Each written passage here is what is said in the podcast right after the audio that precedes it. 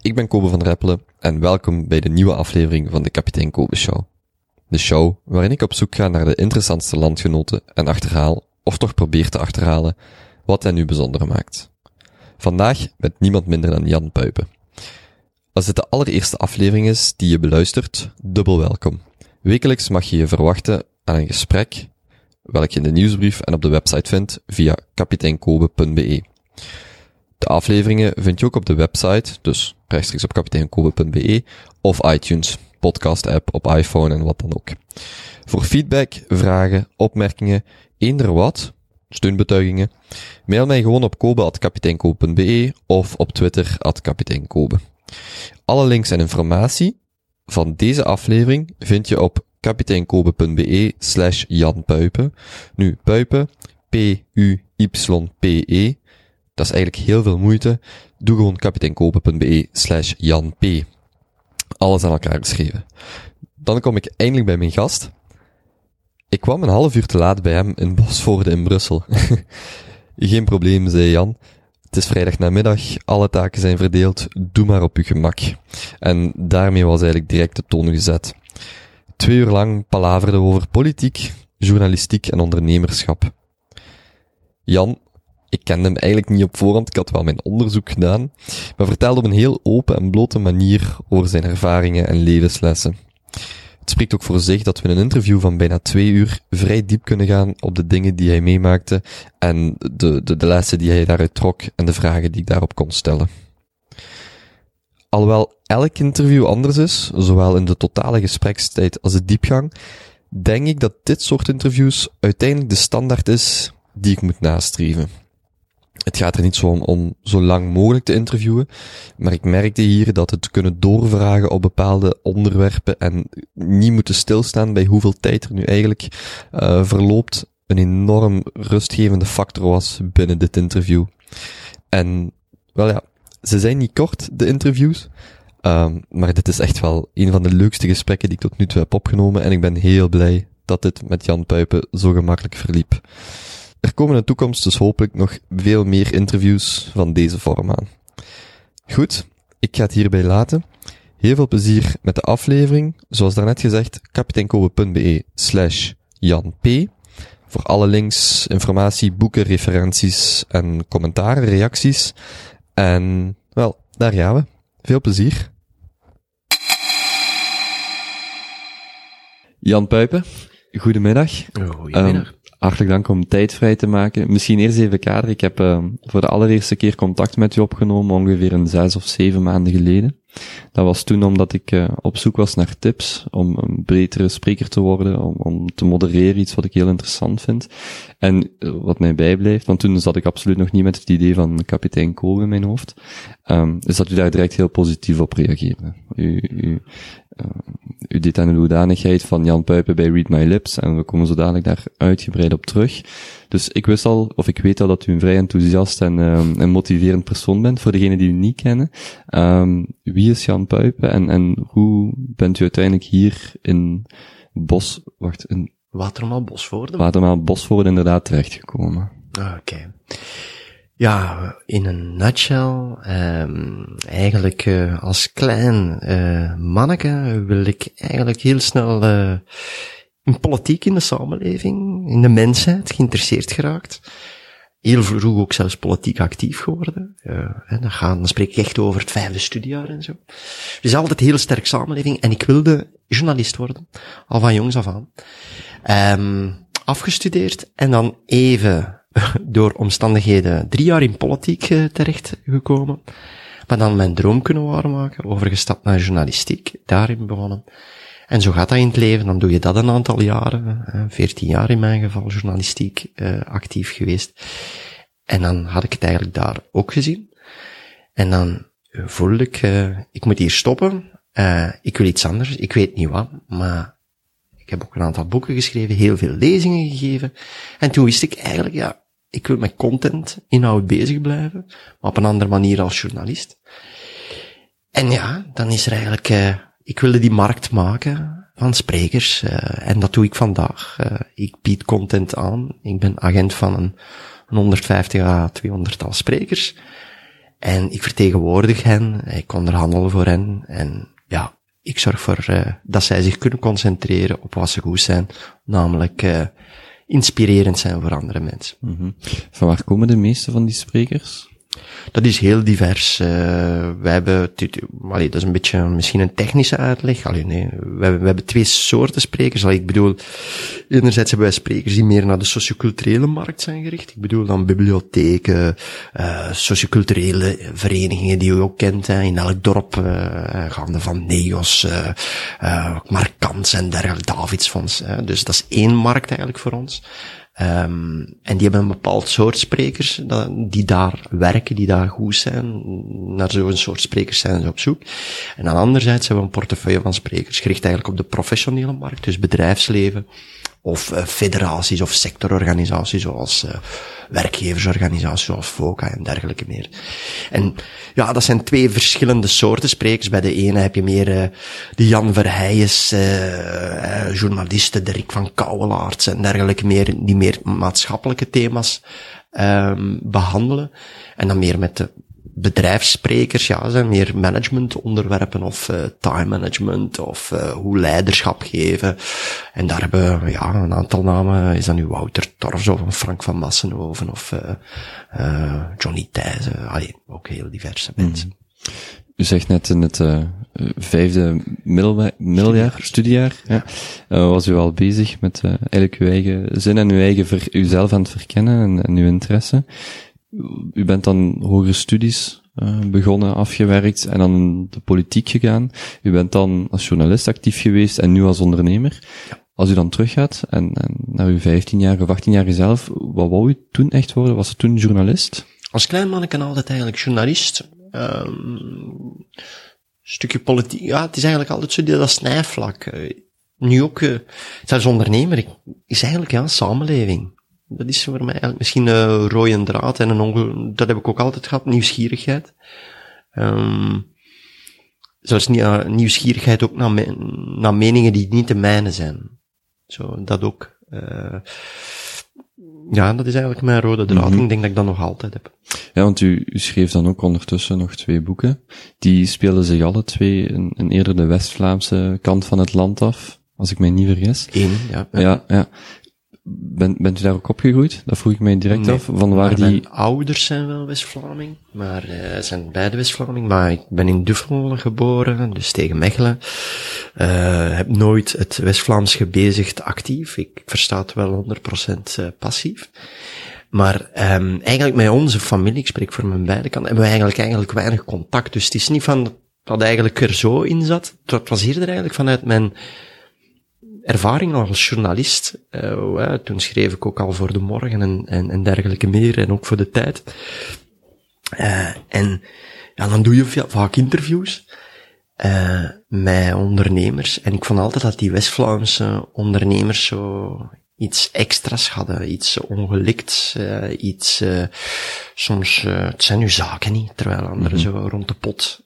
Roger de Klerk als ja, exponent. Daar, ja, exponent.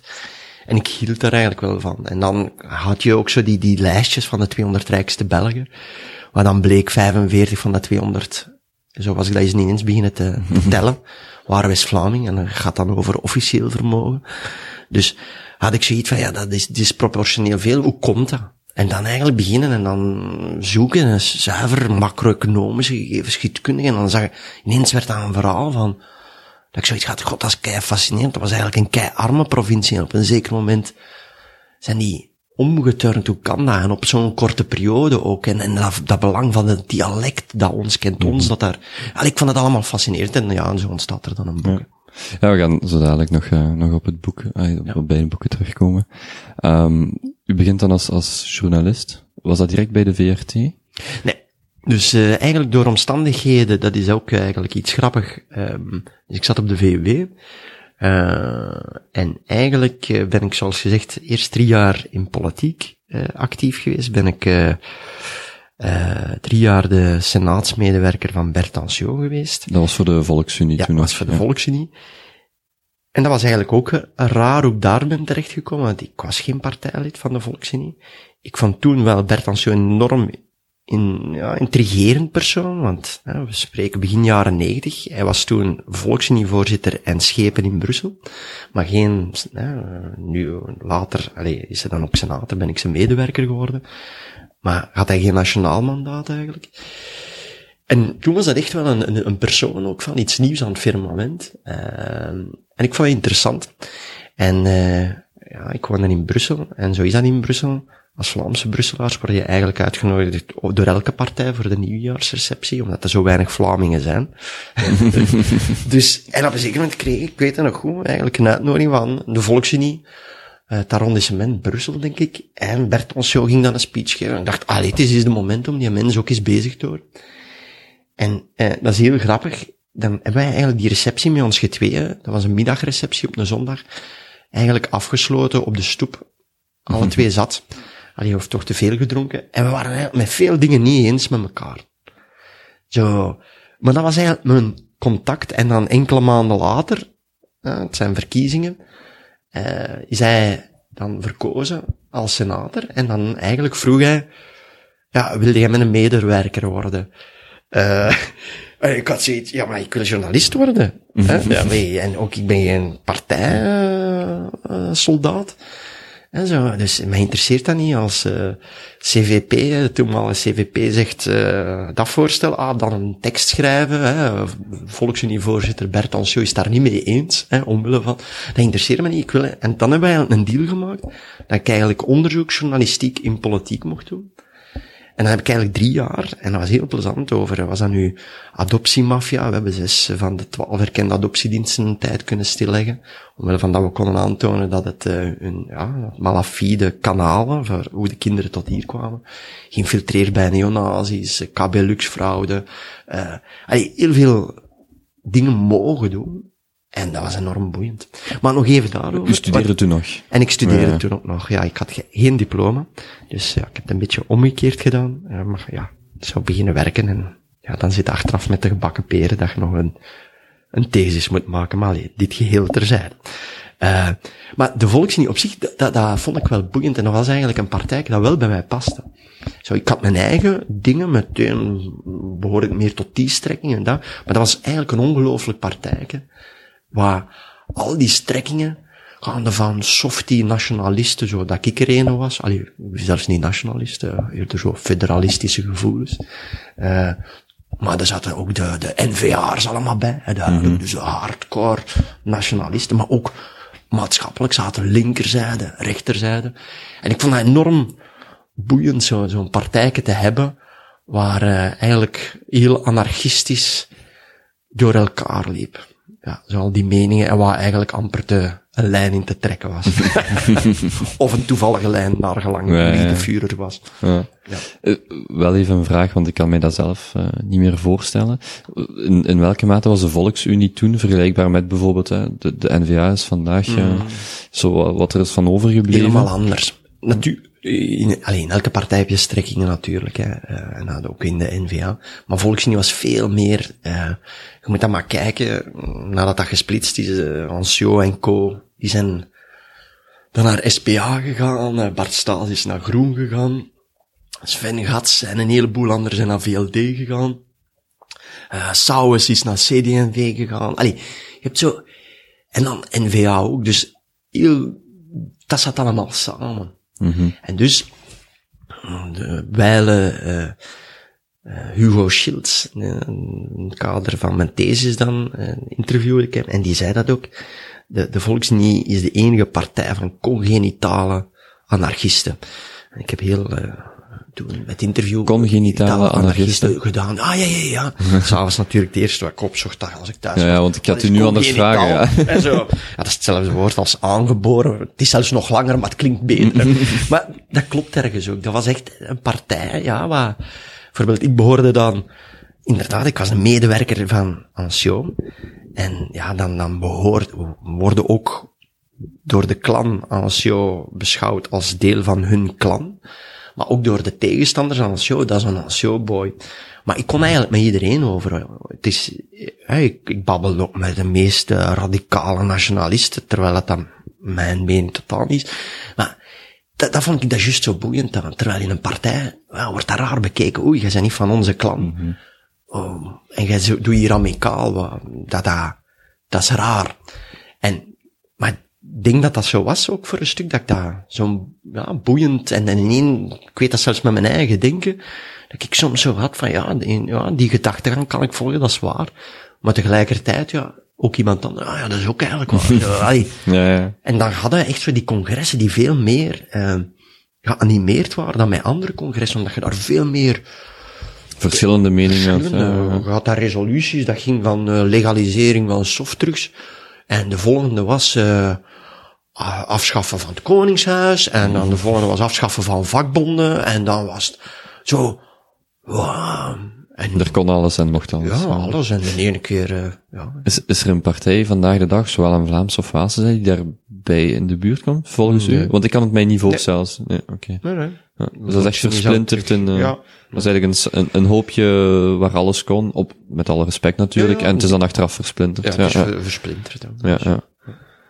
U, u beslist dan om weg te gaan bij, of, of weg te gaan uit de politieke wereld. Hoe kwam u dan als journalist dan toch uit de, aan de bak uiteindelijk? Dan heb ik eigenlijk, want tussen na een, ehm drie jaar daarom ben ik weggegaan bij Bert Alcio, allee, of gestopt eh, om te werken in politiek, omdat hij dan met een verruimingsbeweging bezig was. Misschien zegt u dan nog iets, Spirit, Idee 21 en dergelijke. niet. En ik geloofde dat niet. Ehm maar los daarvan dat ik daar niet in geloofde, hij had gewoon geen tijd niet meer eigenlijk voor onze samenwerking. Wat bedoel ik? Voordien, de eerste drie jaar, had hij als senator nog echt tijd om parlementair werk te doen. Dus de dossiers dat ik voor hem deed, onderzoeksmatig, te blokken en ja, hè, op de bühne te brengen. Ehm maar dan met die verruimingsbeweging was hij daar zo in door dat hij eigenlijk daar geen tijd meer had voor wat mij aantrok, het echte parlementaire werk. En dus dan zijn wij eigenlijk ook in alle vriendschap, hebben wij onze samenwerking gestopt. Ehm en dan heb ik eigenlijk een jaar, eh want dan had ik natuurlijk een politiek etiket. En het is gemakkelijker om van journalistiek naar politiek over te stappen dan van politiek naar journalistiek over te stappen. Oeps. Ja, dus dat, dat, dat weet je ook op voorhand. Je moet daar niet flauw over doen. Eh, dus dat was echt wel moeilijk. Eh, en het eerste wat ik heb gedaan, om, is gewoon een, een ontluizingsperiode. Dan heb ik eh, een, een jaar in het beurscafé gewerkt in Brussel. En ook een heel toffe reis gemaakt met mijn rugzak drie maanden in bergen. Ik, ja, want ik knik hier nu het beurscafé. Wat deed u daar dan anders om te ontluizen? Oh, ik werkte daar in de bar. hè. Dus, dus echt gewoon een, ja, werken in, aan de bar. En Oh ja, dat niet. gewoon- Ja, ja, dus gewoon, je moet centen hebben, hè. Ja, dus, oké. eh, voilà, eh, ik woonde er al alleen, dus, maar ik wist dat ik inhoudelijk, eh, ja, ik kon solliciteren bijvoorbeeld, weet ik, eh, nou, ja, de overheid, maar dan zit het daar weer, allee, ik wilde gewoon journalistiek, maar ik wist gewoon, voordat ik die stap kan zetten, moet ik gewoon ontluizen en tonen dat ik iets anders heb gedaan, dus eerst heb ik dat gedaan. Was dat toen een bewuste keuze, of als u daar nu naar terugkijkt, denkt u, het was nodig om dat te doen? Of wist u toen als jonge gast, ik ga nu even iets anders moeten doen, om, om dan Ja. toch die ambitie Nee, nee, waar te maken? Ah. Ah, ja, nee, nee, ik had dat ook te horen gekregen. Ik had Ah, ja, oké. geprobeerd. Ja, ja. Ik had geprobeerd en ik, ik werd, er werd, ik weet niet meer, ik denk dat ik, pardon. Ik weet niet meer zelfs voor wie of wat dat ik heb gesolliciteerd. Ik denk twee sollicitaties en dat was gewoon vlak af, allee, eh, zot. Je Ja, politiek Wat en je ik- komt hier solliciteren. Neem, allee, neem jij je eigen serieus? Of, allee, zo, dus ik had zoiets, ja, oké, dat gaat even eh, een tochtje door de woestijn, dat klinkt veel te zwaar, maar zoiets toch, want dat wi- wist ik wel. Ik, ik was gedecideerd, ik wil dat doen. Ik wil in, in, in journalistiek eh, gaan. En dus dat dan. En dan heb ik eigenlijk ook, want dat is ook het leven. Enerzijds kom, ik door uw stoute schoenen aan te doen en, hè, want daar ben je ook voor een stuk geïnteresseerd, zo de grote verhalen. En gewoon te gaan voor uw ding. En no surrender en go for it. En avanti en niet opgeven. Maar je moet ook chance hebben. En dat is met al mijn stappen waar ik nu ben, is deels door vast, vast te houden en niet los te laten, maar ook met alle stappen chance. Of, en bijvoorbeeld de stap naar journalistiek is, en dat de Ludwig Verduin, die toen uh, adjunct hoofdredacteur was van De Morgen, en die kende mij eigenlijk van mijn tijd van Bert Anciot. eh, dat ik onderzoeksdossiers deed, vooral in de fiscale fraude, zo Antwerpia, KB Lux, wat naar verwezen. Hij deed dat ook. Hè. En dus, die had eigenlijk, ja, respect voor mij, voor eh, zo'n jong gastje, maar die, en ja, na zo'n de bepaalde ontluitingsperiode ben ik die gaan opzoeken. En gezegd, kijk, eh, ik heb een idee, een concept in mijn hoofd van journalistiek. En kijk, we kennen elkaar. Wil jij mij geen kans geven? En eh, eigenlijk heeft hij dat gedaan. Die heeft mij zo twee artikels laten testen. En dat waren goed. En dan heb ik eigenlijk enorm veel chance gehad. Had ik eh, een concept, wat ik, een hele zomerreeks over, nu is gemeengoed, hè, dat was de G-plek. De geheime plek van ondernemers, belangrijke ondernemers. En dan ging ik naar hun geheime plek. Eh, en nu zijn dat zo de zomerreeksen van, hè, nou, daar in die, villa en naar die. Maar toen was het eigenlijk no allee, nooit gedaan. Ik, ik zal ook wel ergens mijn mosterd gehad hebben, ik weet ook niet wat, maar dat was nog niet, not done. Eh, en ja, door het feit dat ik daar zo een, een sexy titel, de G-plek van, en dan was dat met Jan de Klerk, met Albert Frère, met eh, Maurice Lippes, met allemaal echt de grote van eh, de economie, de Vlaamse economie, eh, of de, de Belgische economie. En ja, dat, dat, dat, was, dat was dankzij Ludwig, die hij gewoon heeft gezet, want op zo'n ogenblik, je een jonge kerel, al die mensen van de economieredactie, die daar vastwerken, en de ene volgt die sector, en die sector, en die hopen jaarlijks op van die sector het grote interview met die CEO te hebben, en ineens komt dan een jong gastje, die niks bewezen heeft, meer nog, en plus die komt uit de politiek, een jaar eerder, en die, die valt daar tussen. Dus, ik wilde maar zeggen, dat is ook chance hebben. Hoe oud was u toen? 25. 25, ja. Ja. En dan, Vier, ja, 24. ja, ja. En dan bent u uh, bij de morgen gebleven in eerste Ja, instantie? maar altijd zelfstandig. Ja, Dus, altijd als freelancer. Toen al, ja, ja. Ja, ja, ja dus uh, zelfstandig. En dan bent u ondertussen ook naar, naar andere kranten uitgeweken, of voor andere kranten geschreven. En dan uiteindelijk, uh, ja, uiteindelijk bij Panorama terechtgekomen. Ja, en daar was dan, dus dat is het eigenlijk dan. Eerst uh, negen jaar of acht jaar zelfstandige journalist, uh, boeken geschreven, reeksen gemaakt, maar altijd dus hè, op zelfstandige basis. Was heel plezant, maar niet altijd evident, uh, in de zin vooral financieel niet. Maar was, ik ben heel blij dat ik dat heb gedaan. Dat is ook mijn meest vrije periode geweest. Mhm. Zo. Um, en dan inderdaad, op een zeker moment is de VRT mij komen vragen met de opstart van een, een discussieprogramma, Morgen Beter. Dat was een dagdagelijks programma. Eigenlijk of ik niet voor hen in de redactie alleen daarmee opstarten. Is dat gelijk bijvoorbeeld uh, de afspraak vandaag? Ja, of dus dat ja. is eigenlijk de voorloper van, hè, wat nu, uh, Lieve van Gils, uh, mm -hmm. Fara, dat, Morgen Beter is voor Fara. Ja, maar dat was hetzelfde, het avondslot. En dat dan gedaan, en ik heb dat gedaan omdat ik dat, ik had nog nooit een redrace van dag tot dag gedaan. Die altijd lange termijn projecten. En ik had die zin voor dat te voelen, wat dat is, uh, s morgens een, een leeg blad hebben en elke avond moet een uitzending hebben. En dus, dat heb ik een jaar gedaan, maar dan na een jaar wist ik echt wel, oké, okay, maar dat, is, dat vind ik niet zo, dat is niet mijn weg. Mm -hmm. En dus ja, dan ben ik inderdaad, ja, het bloed, kruipt, uh, waar, uh, waar het niet gaan kan. Uh, heb ik toch wel bij de VRT terug, ja, zo de, de lange termijn projecten en dan meest lange termijn was Panorama. Hè. Mm -hmm. Dus, en dan daar, vier jaar aan de slag. En dat was altijd als onderzoeksjournalist, dus u maakte dan de reportages? Ja, samen met mijn collega, ja. altijd mensen, uh, Peppi en Kokkie, ja. uh, als het ware, altijd twee. En u deed dat ook vrij goed, neem ik aan, want jullie hebben de, de Dexia uh, ja, persprijs, persprijs, als ik me niet vergis, gewonnen. Voor, voor welke aflevering of uh, uitzending was dat? Dat was voor de Pax uh, Elektri Electrica, Pax Electrabel. Dus dat was over het geheime deal van de regering met de Electrabel. Mm Mhm. -hmm. Dus ja, ik ga, ik ga zo dadelijk even terugkomen op, uh, op, op de fijne lijn tussen journalistieke vrijheid en, uh, en te, te, de, de lijn overschrijden. Want uh, als ik, als ik u hoor, u, u gaat graag diep op dossiers zitten, maar het zijn wel altijd dossiers, ja, dus u zegt fraude en, en, en, en adoptiedossiers waar af en toe moet oppassen met menselijke gevoelens, denk ik, emoties. Um, een, een heel stomme vraag misschien, was het verschil tussen een reportage en een documentaire? Oh. Weet u dat? Want ik, ik weet het zelf niet. Ik vroeg het mij in de trein naar hier af. nee. Nee, niet. Ik denk, Nee, dat weet ik al.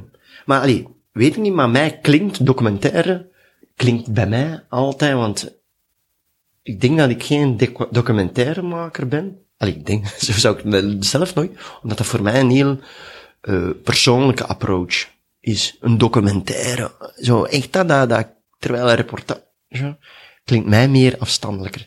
Maar ik ben ook, dat is het ook, daarom, allee, dat is misschien ook weer afwijken. Dat is eigenlijk grappig, want ik ben voor de VRT beginnen werken, maar ik ben geen tv-kijker. Eh, ook ten voordien niet, vandaag niet, maar ook niet toen ik er werkte. Ik, ik ja, als ik op een maand één uur televisie kijk, ook ten tijde van VRT, nu mag ik dat zeggen, ja, veel, zo, ik snap die taal, ik begrijp die taal, maar ik vind dat vaak geen boeiende taal. Ja. Om, ja. Maar het was niet omdat u erin zat, het gewoon omdat u geen, eigenlijk weinig interesse in, in, ja, tv en of ook, televisie had. een bevestiging heb ik ook gekregen toen dat ik er werkte. Ook al was hè, zo op de VRT, zoals overal, hè, uh, dan gaat het uh, vaak over kijkcijfers. En uh, soms, hè, dat is dan weer een beetje afwijken, maar toch, de onderwerpen dat we voorstelden, onze chef was daar zeker niet mee akkoord, vaak niet mee akkoord, want die zei, daar gaat, dat, eigenlijk uit, daar gaat niemand naar kijken en dan bleken die de beste kijkcijfers te hebben, omdat, hè, uh, mensen zijn niet dom, hè. ook al is er iets niet, wordt er niet over gesproken, maar mensen herkennen wel zelf dingen, maar dat is even afwijken.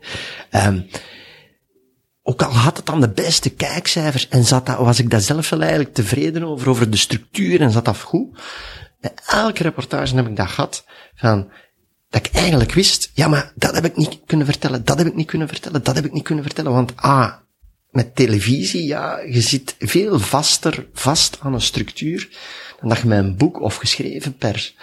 Uh, je moet het op beeld hebben. En als je het niet op beeld hebt, kun je het niet vertellen. Ook al mm -hmm. heb je het zelfs op papier. Je kunt dan wel sommige dingen zo, hè, zo, je kent het dan, dan wordt er een papier gefilmd, maar je kunt niet een hele reportage mm -hmm. met, terwijl dat het daar eigenlijk wel over gaat. Je moet het kunnen. En dus, ja, de, eigenlijk vond ik dat zo, ja, eigenlijk frustrerend elke reportage. Enerzijds wel fierheid en ook een heleboel dingen dat we toch aan de kaak hebben kunnen stellen of naar boven hebben kunnen brengen. Maar aan de andere kant, met elke reportage was het eigenlijk van shit. A, B, C, D en E uh, zit er allemaal in. Terwijl dat, mm -hmm. dat heel belangrijk is. Ja. Um, u haalde daar straks Roger de Klerk aan. U bent dan, om, om het kort te houden, um, eigenlijk naar de mensen rondom hem eerst gestapt om dichter bij hem uiteindelijk te komen. En het was dat wat ik net wou vragen. Hoe beslist u voor uzelf als journalist wanneer u te ver ging? Of, of dat u dacht van oei, hier moet ik oppassen um, met, met de gevoelens of, of, of uh, gedachten van die, die personen. Hier stopt het journalistieke en gaat het gewoon over eer of, of, of emotie. Voor uzelf? Ja, voor, voor u, voor u. Ja, echt ja. voor u, waar dat u, heeft u momenten gehad dat u zegt, ja, hier moet ik echt wel oppassen. Niet zozeer om, om uw fysieke integriteit of zo, maar vooral om, om eigenlijk het, ideolo het ideologische en meer van, is, is dit wel wat ik moet doen? Is dit dan journalistiek om, om het zo ver te drijven? Ja. En misschien een voorbeeld geven, um, bij de, bij de aanslag op Charlie Hebdo, werd er direct het filmpje waarin de, de agent Ahmed doodgeschoten. Dat stond direct overal en dat was overal op het nieuws te zien. Ik had het daar op dat moment moeilijk mee, want ik, ik omdat de familie misschien zelfs nog niet op de hoogte was. En, en iets later in Parijs hetzelfde. Een uh, reporter van de CNN die op haar Twitter zet dat mensen de Bataclan sms'en sturen naar hun nabestaanden en één voor één worden neergeschoten. Dan lijkt het mij, denk ik, moeilijk als ik dan weet dat mijn, mijn broer of moeder of maakt niet uit daar zit. En ik weet niet wat er gaande is, maar er zet wel een reporter, en ik heb alle respect voor zo'n, voor zo'n medium en de vrijheid, en ik vind dat op zich positief, maar ik vraag me echt af of die rapporter dan achteraf denkt, had ik dat nu echt met de wereld moeten delen? Want het is misschien belangrijke informatie, maar ik denk dat niemand die niet weet wat er met zijn nabestaanden gebeurt, wilt lezen op Twitter dat ze berichtjes zijn aan het sturen en gefusileerd worden. Dus ik, ik, dat is wat de, de, de context van de vraag. Of u, of ja, ja. u... Heel duidelijk. ja, dat is heel persoonsgebonden natuurlijk. Hè. Dat, dat is natuurlijk ook een uh, logisch antwoord. Maar nee, dat is heel persoonsgebonden. bijvoorbeeld, allee, eerst een stukje misschien mezelf. Want als journalist kun je echt wel iemand uh, met de keel grijpen. En uh, dat is zelfs heel gemakkelijk. Ehm en voor mezelf heb ik dat altijd als uh, stellenregel gedaan. Ehm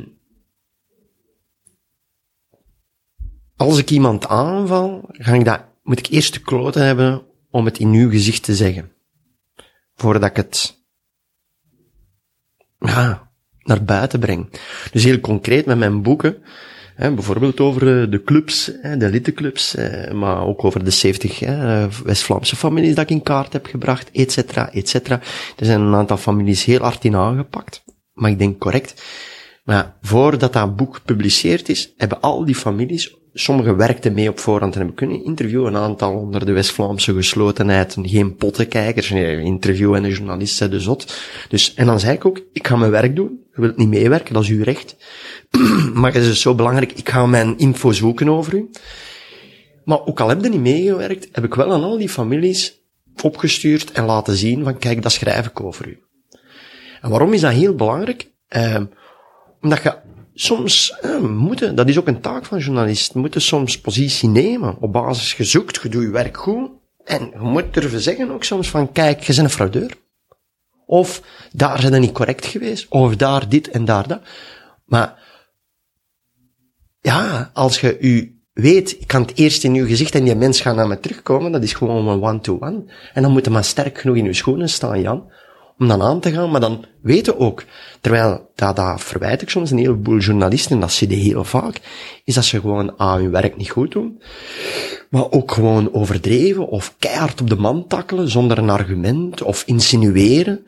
Uh, dat, dat vind ik, hè, gebeurt heel vaak, insinueren. Um, ja, dat, dat kan niet. En met Panorama deed ik dat ook. Eh, Panorama over Electrabel, maar ook even goed over eh, de banken of zo. Dan organiseerde ik en dan waren soms mijn collega's of mijn baas was aan het vloeken. Want hè, dat, dat is altijd tegen de deadline. Maar dan, dan wat gebeurde dat? Oké, toen was er nog panorama op zondag. Soms ja, oké, okay, vrijdagnamiddag, ik organiseer een sessie en hup, de ene woordvoerder na de andere van de bank staat te wachten, samen met een of andere juridische dienst, I don't give a fuck. Maar ik wil dat die eerst dat zien. Want waarom is dat belangrijk? Omdat je dan je eigen eigenlijk niet gaat uh, censureren, maar dat je weet dat je gaat just zijn. Je gaat ook niet een overdrive zijn. Je gaat ook niet dingen zeggen omdat je eigenlijk weet van, ja, nu zeg je, je bent een fraudeur. Of, ja, ze frauderen altijd. Dat is wel een... Mm -hmm. Allee, begrijpt je?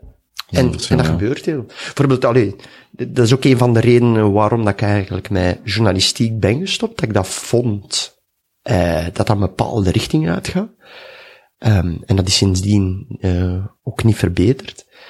Dat ik mij dat gewoon globaal, ik zeg niet alle journalisten, maar gewoon globaal hoe journalistiek vandaag is, is voor mij te insinuerend, te, uh, uh, weinig gebaseerd op onderzoek, te, te snelle conclusies, te, te vloed, te, te oppervlakkig, te bedweterig, te, ja, niet mijn wereld. Mm -hmm. um, zijn er momenten geweest dat u dacht, nu moet ik excuses aanbieden? Nu ben ik, uh, die persoon heb ik, al, desondanks dat systeem wat ik inbouw, um, toch te ver gegaan? Ik denk dat niet. Ik heb, dan, nee, ik heb nog nooit gehad een, een gevoel of dat klinkt nu, want ik, eigenlijk wil ik het zo niet. Dat klinkt eigenlijk heel dikke nekkerig, precies, maar het echt niet. Ik, ik, heb eigenlijk van niks spijt. En zelfs met echt mensen die ik echt niet uh, lief misschien ben tegen geweest, maar ik ben wel altijd respectvol geweest. En, en een aantal heb ik nog altijd zelfs achteraf gezien, een aantal zijn zelfs mate, allee, is veel geworden, maar nu ook als journalistiek, als journalist heb ik altijd een afstand bewaard, uh, omdat ik dat vind dat je mm, met je onderwerp niet uh, vriend moogt worden. Dat is een part of the job. Misschien zijn ik dat uh, zwart-wit in, maar ik vond dat. Hè, dus zo te dicht aanschurken of vrienden worden van industriëlen. Nu is dat voor mij veel gemakkelijker. Nu, I'm one of them, de hele kleine, maar ik mag uh, amicaal zijn. En ik ontmoet dus ook mensen die ik vroeger eigenlijk hard heb aangepakt en die eigenlijk, dus daaraan merk ik, die, die eigenlijk mij niet vergeten zijn, maar die zeker niet, ah ja, zo, en allee, mm -hmm. eigenlijk met respect. Ja. ja. En, um, Heeft uw verleden in de politiek u daar ooit parten gespeeld?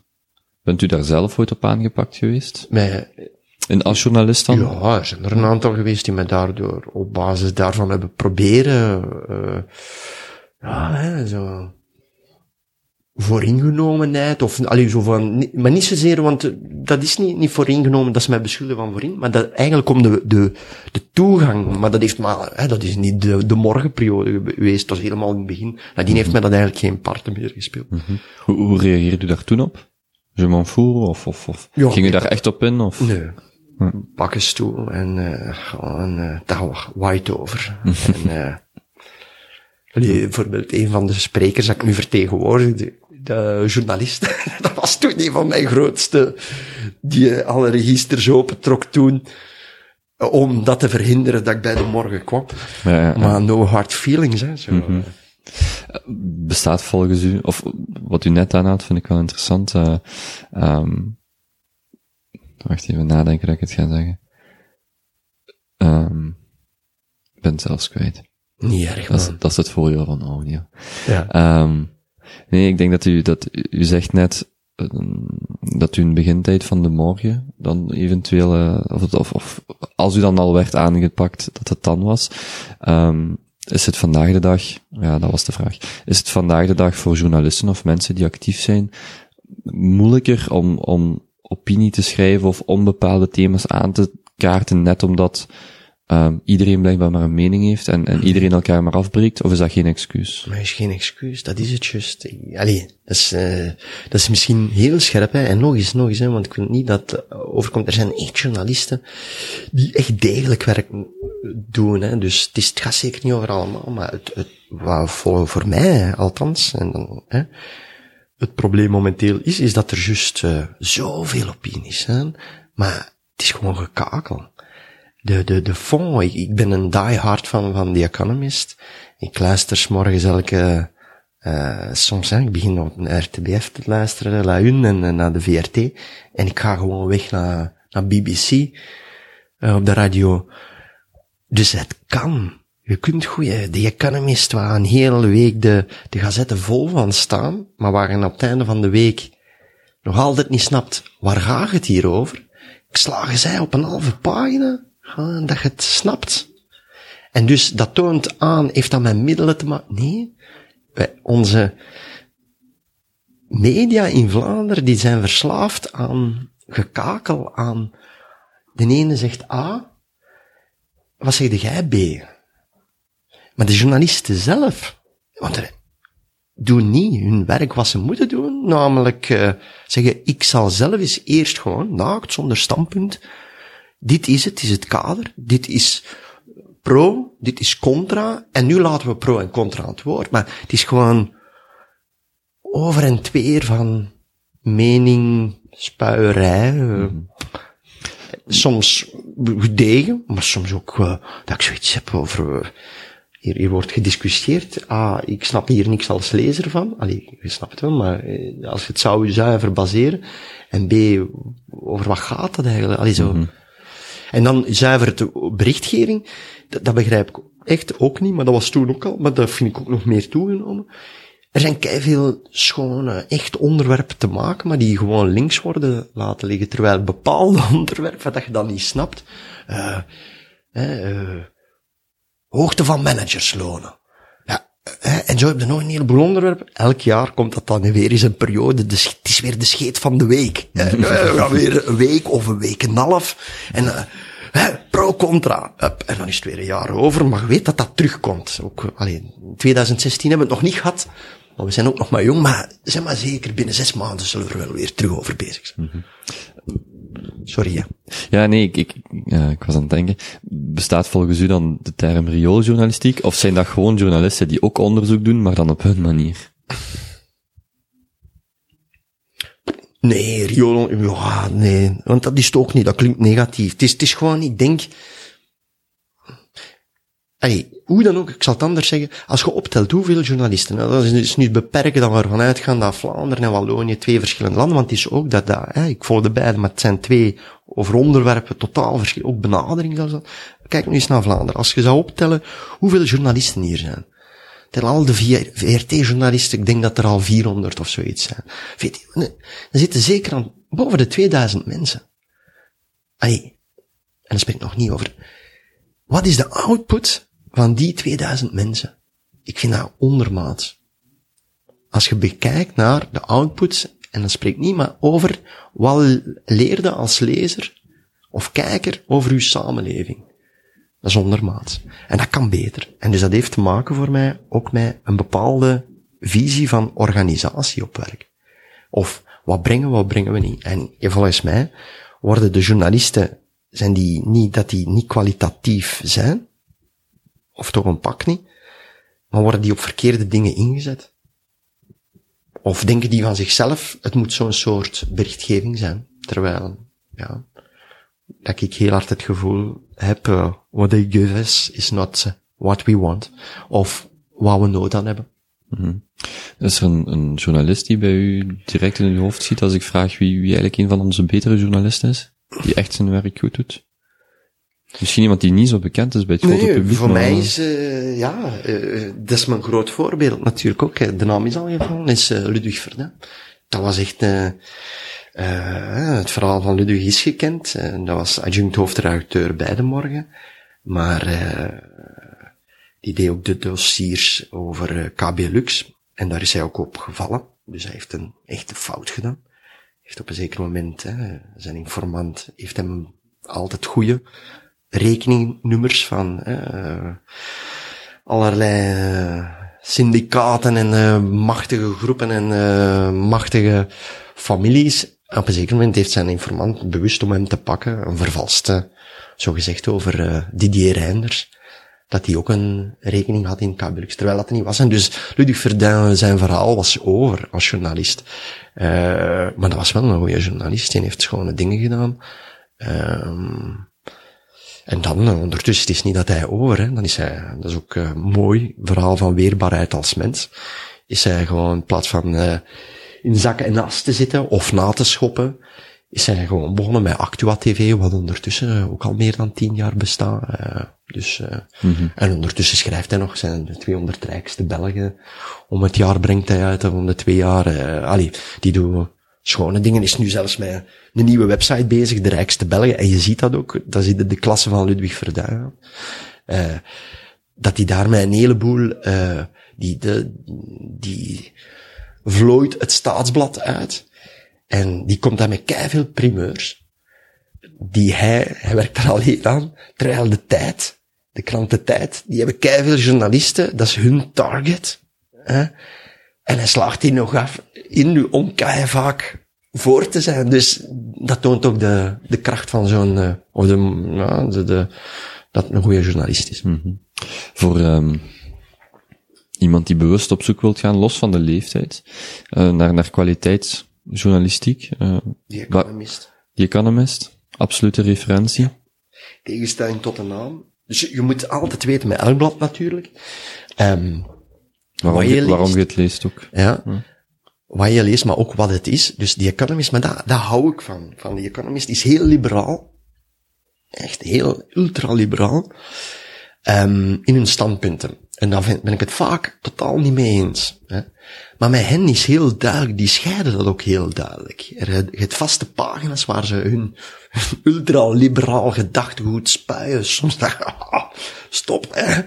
Maar je weet het. Maar het is dan ook duidelijk, als je dat leest, je weet al op voorhand, ja, dat gaat dat standpunt.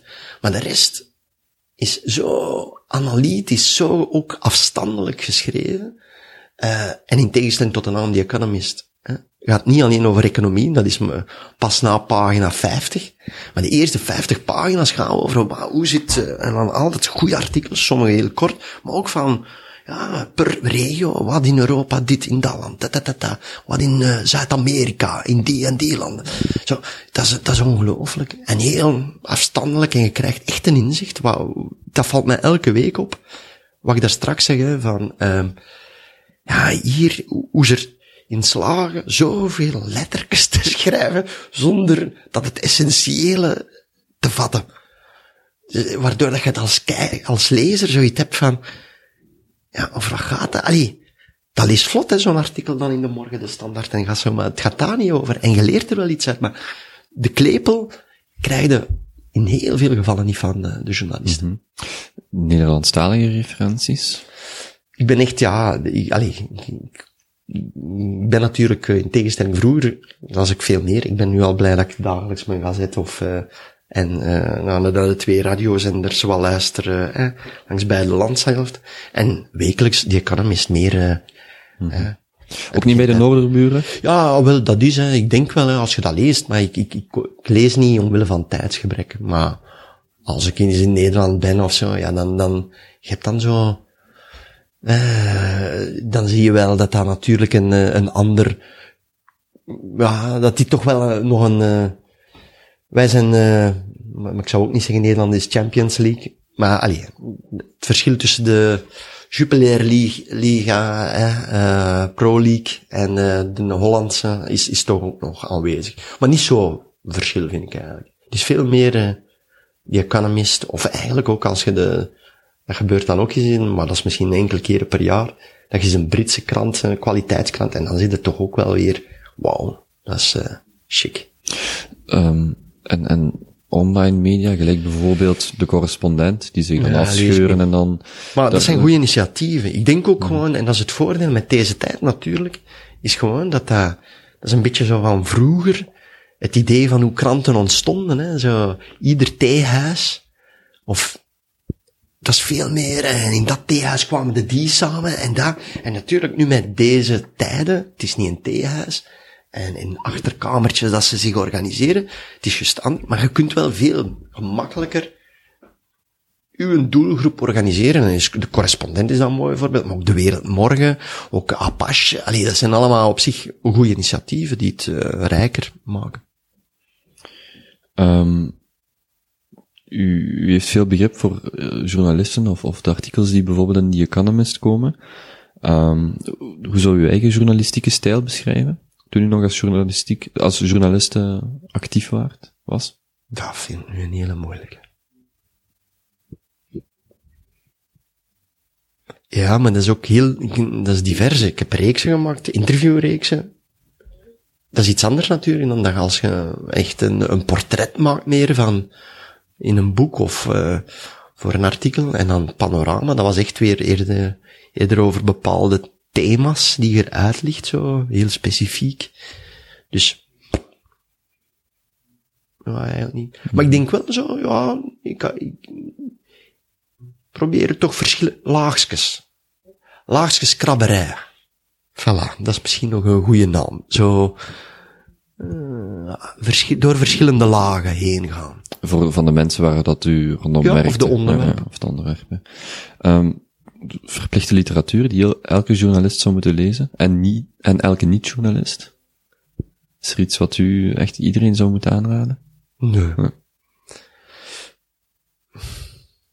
nee. Allee, ja, er zijn veel dingen die voor mij wel, maar dat is heel persoonlijk of, uh, ja, niet voor als journalist of, of wat je echt moet gelezen hebben als journalist, nee. Hm. Dus er is geen referentie waarvan u zegt, als elke journalist dat nu zou lezen, zou het wel, uh, 20% beter scoren. Nee. nee. Persoonlijk zijn er boeken die... Nee, we moeten lezen. Dat is eerder als ah, ja, journalist. Okay, ja. En dat is mij heel hard opgevallen. Dat, dat is wel, als ik, dan ging ik mijn huiswerk, deed mijn huiswerk heel diepgaand.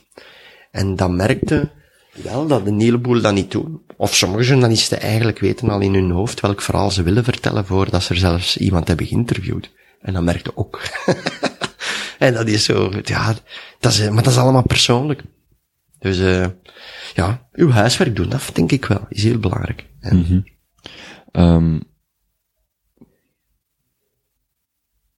Even kijken, ja. U, ik ga de laatste vraag over journalistiek stellen, want uh, en dan gaan we naar het volgende, naar Read My Lips. Um, ik ben ehm, niet uitgebreid aan het vertellen, man. Nee, ik, ik, uh, ik heb tijd en... Um, ja. Ja. De files in België blijven talrijk. We kunnen nooit uh, maar is dat wat je zoekt, een, een week file volpraten. Maar is het, uh, is dat wat je zoekt? Okay. Ja, ja, volledig. Okay. Ik vind het zelf goed en dat is per definitie ook hetgeen dat ik zoek, dus okay. uh, bij deze. Um, ja, u werkt dan tien, kleine vijftien jaar als, als onderzoeksjournalist, of totaal als journalist. hoe is dan toch die overgang gegaan naar het, naar het zelfstandige, naar Read My Lips? Ja. Dus in die zin, dat is ook gewoon, um, allee, ik merkte gewoon dat ik, het laatste jaar bij de VRT ging echt niet. En dat is gewoon door een conflict met eigenlijk, uh, een chef over, uh, zienswijze op journalistiek. En dus dat heeft er eigenlijk, dat heeft zo'n zwaar conflict geweest. Um, dat dat eigenlijk mijn, ja, dat het eigenlijk niet meer ging. Dat was echt, en dat, maar ook niet meer ging, dat, dat ik ook een aantal dingen heb zien gebeuren op de VRT. Die deontologisch totaal over de schreef waren, die ik intern heb gemeld. Want ik ben dan ook wel loyaal, ik ga dat niet naar de buitenwereld brengen. En dat is ook intern onderzocht. En klopte, maar gebeurde niks. En dus eigenlijk heeft dat mij gezorgd. En dus, maar waarom leg ik dat uit? Omdat dat eigenlijk mijn geloof in journalistiek heeft doen wankelen. Um, namelijk in de zin, vroeger was ik fier om te kunnen zeggen, ik ben journalist. Maar als je op een zeker moment, je doet een bepaalde job en je schaamt je eigenlijk om te kunnen zeggen, ik ben journalist, dan weet je ook dat je een tijd, er is een tijd van komen, is ook zeker een tijd van gaan. En dus ik wist, ik moet hier gewoon weg. Ik weet niet wat ik ga doen. Ik weet niet wat ik kan, want na 14 jaar journalistiek, wat kun je? Ja, ja je kunt een artikel schrijven, je kunt onderzoeken, je kunt dat. Enfin, is wat. Um, dus het eerste wat ik heb gedaan, is gewoon mijn ontslag gegeven. En zeggen, dat is het eerste. Dan, uh, was een heel toffe periode, heb ik ook besloten van, um, oké, dat is voor een stukje spooky, hè, maar dat komt in orde. Maar eerst uw hoofd leegmaken, want dat is zo'n negatief gevoel, met negatieve gevoel, gevoelens, uh, dat je nu toch niks kunt zinnig zoeken. Want je weet niet wat, wat je wilt of kunt, maar je, ja, zo. Dus dat, heb ik ook gedaan. Echt die klop afgezet.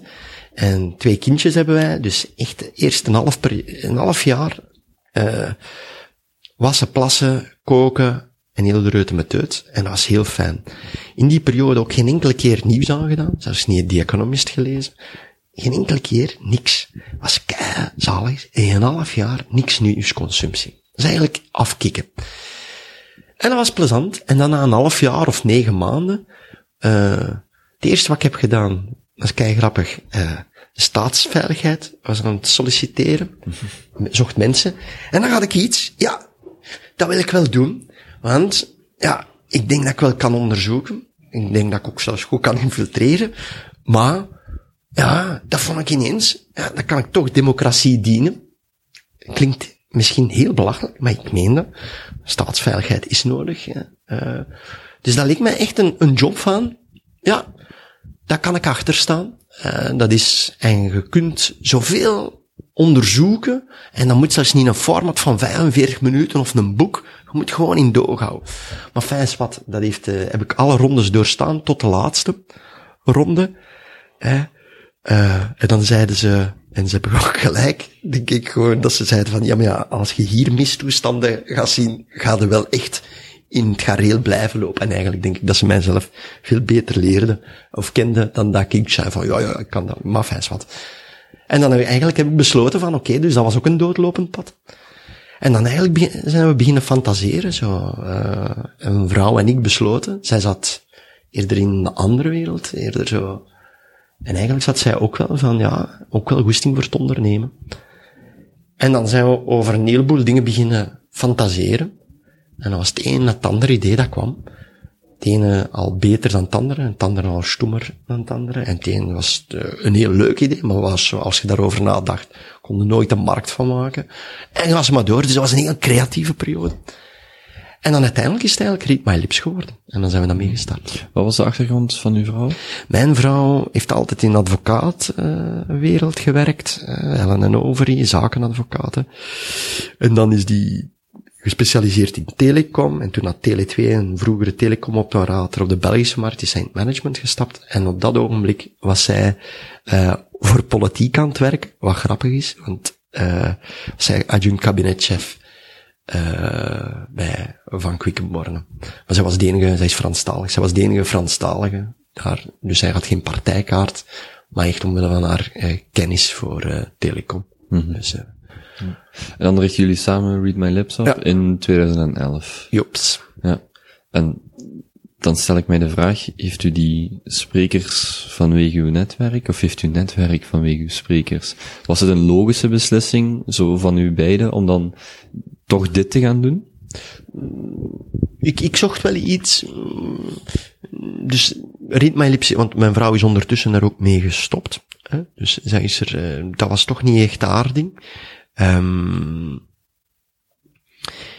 maar Lips is op zich wel mijn, mijn ding van wat ik zeg daar straks, dat is mij inhoud bezig blijven. Maar alleen, ik doe het zelf niet, maar ik bied gewoon uh, mainstream aan, against mainstream, links, rechts, uh, sociocultureel business. En dat vind ik fijn. En ja, ik vind het fijn dat, uh, dat die mensen, dat ik eigenlijk hun help, dat zij zich enkel daar moeten mee bezighouden, met al het praktisch niet, de rest niet. En ja, samenlevingsgewijs vind ik dat toch wel een heel fijne bijdrage voor mezelf dan, dat als je nou weet van, ja, al die mensen die moeten aan in 10 seconden quote, die krijgen echt de tijd om hun visie uit te leggen. En dan staan de toehoorders zelf om rechtstreeks vragen te stellen. Er wordt niet ingeknipt. Dus ik vind echt, uh, ik vind dat ook voor mezelf fijn. Ik luister heel veel, ik ga heel veel sprekers gaan beluisteren, ook gaan scouten. Dus voor mezelf is dat een toffe job. Maar ook als je beseft van oh, jaarlijks uh, wat je bereikt, van samenlevingsgewijs, uh, sommige sprekers, ja, die, die, die gaan veel gaan spreken voor ons. En als je dan uitrekent gemiddeld x aantal mensen per jaar, uh, per sessie dus, gemiddeld per jaar, zijn dat zoveel mensen dat die zijn boodschap bereikt, ja, dat geeft mij plezier. Dus, uh, het is dan blijft wel een commercieel bedrijf. Ja, ja nee, nee. Ja, ja. En dus dat is de... Het is de, geen VZW. Nee, is, nee, nee, nee, nee, En dus dat vind ik, maar dat is voor mijn eigen, en dat is wat we daar straks ook, ik denk eigenlijk, uh, in het begin, zeker het commerciële was mij vreemd. Ik begin gewoon wel mijn bedrijf, en ik ben wel vanaf het begin commercieel geweest natuurlijk, maar ook, ja, het, het, het maatschappelijke zat, zit veel evidenter in mij dan het uh, zuiver commerciële. Dus ook de afgelopen vier jaar is dat, vind ik dat een enorm plezante tocht voor mezelf geweest, om dat eigenlijk geleerd te leren. Uh, nu, uh, oké, Karen en Hilde doen dat nu voornamelijk, maar ze verkopen. Ik had nog nooit iets verkocht. Ja, nu, ik doe eigenlijk niks anders dan onderhandelen en over en, en uh, ja, beste voor uh, de, op basis van de handleiding van elk van onze mensen die verschillend is die heel individueel is, maar echt een deal maken. Dat ik mhm. weet van, mijn spreker gaat tevreden zijn en gaat zeggen, hoe gedaan. Um, dienen jullie vooral de sprekers, die publiciteit zoeken is veel gezegd, Um, maar wie ziet, ziet u als de voornaamste klant? De spreker die een opdracht zoekt of de, uh, de, de, bank of wie dan ook die een spreker zoekt? We hebben twee klanten, dus dat is heel eigenlijk, dat is het, ik weet niet het unieke, maar er zijn heel weinig businessen die twee klanten moeten bedienen. Wij moeten inderdaad onze eindklant die de factuur betaalt, die de spreker boekt, met kei tevreden zijn en zeggen van wauw, uh, service bij Read My Lips stop en die hebben mij geholpen, die hebben meegedacht met mij uh, in functie van het event, wie er in het publiek zat, van wauw, Read My Lips, I like. En anderzijds, onze sprekers moeten ook kei tevreden zijn. Dus wij moeten twee klanten tevreden zijn en onze sprekers moeten ook zeggen, ja, uh, amai, ja, het sinds dat bij Read My Lips zijn, uh, oh, ik heb rust, of ik krijg ben dan mogen gaan spreken, dat ga ik nooit uh, kunnen zonder hun. Ai. Mm -hmm. Toen jullie het bedrijf dan oprichten, had u toen al een lijst met die en die mensen zijn sowieso in, of begonnen jullie vanaf nul? Het was vanaf nul. Uh, maar natuurlijk, dat is een stukje voordeel natuurlijk, dat je wel als journalist een aantal mensen kende. En dus dat, dat beginde eerst mee. Uh, gewoon. En ja, eenmaal dat je dan hebt, uh, een aantal, kun je dan ook, uh, mijn eerste echte onbekende was Jan Verheijen. Ik had daar nooit mee gesproken. En ja, dan, maar je hebt er een aantal al, je zijn het begin. En dan is dat ook, uh, ja, wij kennen elkaar niet. Uh, dat is mijn idee. Ik heb geen website, ik heb niks. Dat is mijn idee. Mag ik uw agent zijn? Maar een die en een die doe al mee. Even voor de nummers, jullie hebben er nu 150 à 200 onder contract, Mhm. als ik het zo mag zeggen. Ehm, als u zegt een aantal, hebben we het dan over vijf mensen die er in het begin bij betrokken waren, over tien, over Nee, twintig? ik heb bewust, dus eh, 2011 ben ik op de markt gekomen, juni 2011. Maar eigenlijk het jaar, idee de lancering, is een jaar eerder. Exact een jaar eerder. Dus eh heb ik besloten, ik ga dat doen. En eh dat is exact een jaar eerder. En eigenlijk heb ik gewacht een, jaar. Waarom? Omdat ik voldoende portefeuille wil hebben. Ik wou niet begonnen met vijf mensen toen met de lancering, of tien mensen. Dus bij de lancering, denk ik, waren er 60 mensen op de website. Omdat je dan ineens ook een, een bepaalde massa hebt van, wauw, voor de klanten, eh, dat ze genoeg kunnen kiezen. Eh, maar ook dat ineens serieus, eh ook business-wise, dat je het voldoende kunt leveragen om eh, genoeg omzet, eh allee, met oog op in het begin, weet je dat niet, eh, dat je genoeg te werken hebt. Dus jullie hadden wel een zestigtal mensen in in de portefeuille om dan verder aan te bouwen. Ja, dus met de lancering in een jaar in alle stilte daarop gewerkt, eigenlijk om die 60 te verzamelen. Mhm. Hoe ziet jullie verdienmodel er dan uit? Ehm, We krijgen een commissie. ja, je krijgt een commissie van, van het totale bedrag dat Ja. de, de eindklant betaalt. Ja, ja, Dus, en dat is transparant naar onze spreker. oké. Ehm, hoe vaak spreekt een gemiddelde spreker? Dat verschilt. Ah, oké. Dat verschilt echt. Sommige, dat is ook, hè. Sommige mensen eh, zijn amper te verkopen. Hè. Dus zo zitten er ook een aantal bij ons. Ehm daar hebben we, Het klinkt enorm cru, maar eigenlijk ja, ik, het is zo. ja, het, het en zal dat zo is zijn, ook ja. een, het klinkt misschien grappig, maar wij zijn, eh allee, dat, dat, dat zeg ik ook soms, maar allee, eh, we zijn, onze sterkte is juist ook naar onze mensen juist heel menselijk te zijn, maar eigenlijk doen wij mensenhandel. Onder een eh, volledige witte vorm en gelegaliseerde vorm. Maar dat is, wij doen de handel eigenlijk in, in, in mensen, wij vertegenwoordigen. Eh, en dat maakt het ook boeiend. Eh, maar dat is dan nog iets anders natuurlijk. Maar sommige mensen, dat merk je gewoon, zijn gewoon, en we hebben daar ook fouten in gemaakt in het begin. Dat, dat, bijvoorbeeld ik zelf, heb die aan het werk gehoord. Interessant, kei, maar toch niet te verkopen. En waarom? En dat heeft met verschillende dingen te maken. Hebben we ook met schade en schande moeten leren. Eh, ah, allee, en om een aantal dingen en niet in volgorde. Bekendheid is super belangrijk. Ik dacht in het begin, ja, oké, mensen gaan natuurlijk voor een stuk bekendheid willen, maar ze gaan toch ook wel soms onbekende mensen. Hmm, het is heel moeilijk om soms. Dus dat is bijvoorbeeld een heel simpele, maar alle organisaties, ja, willen bekende mensen.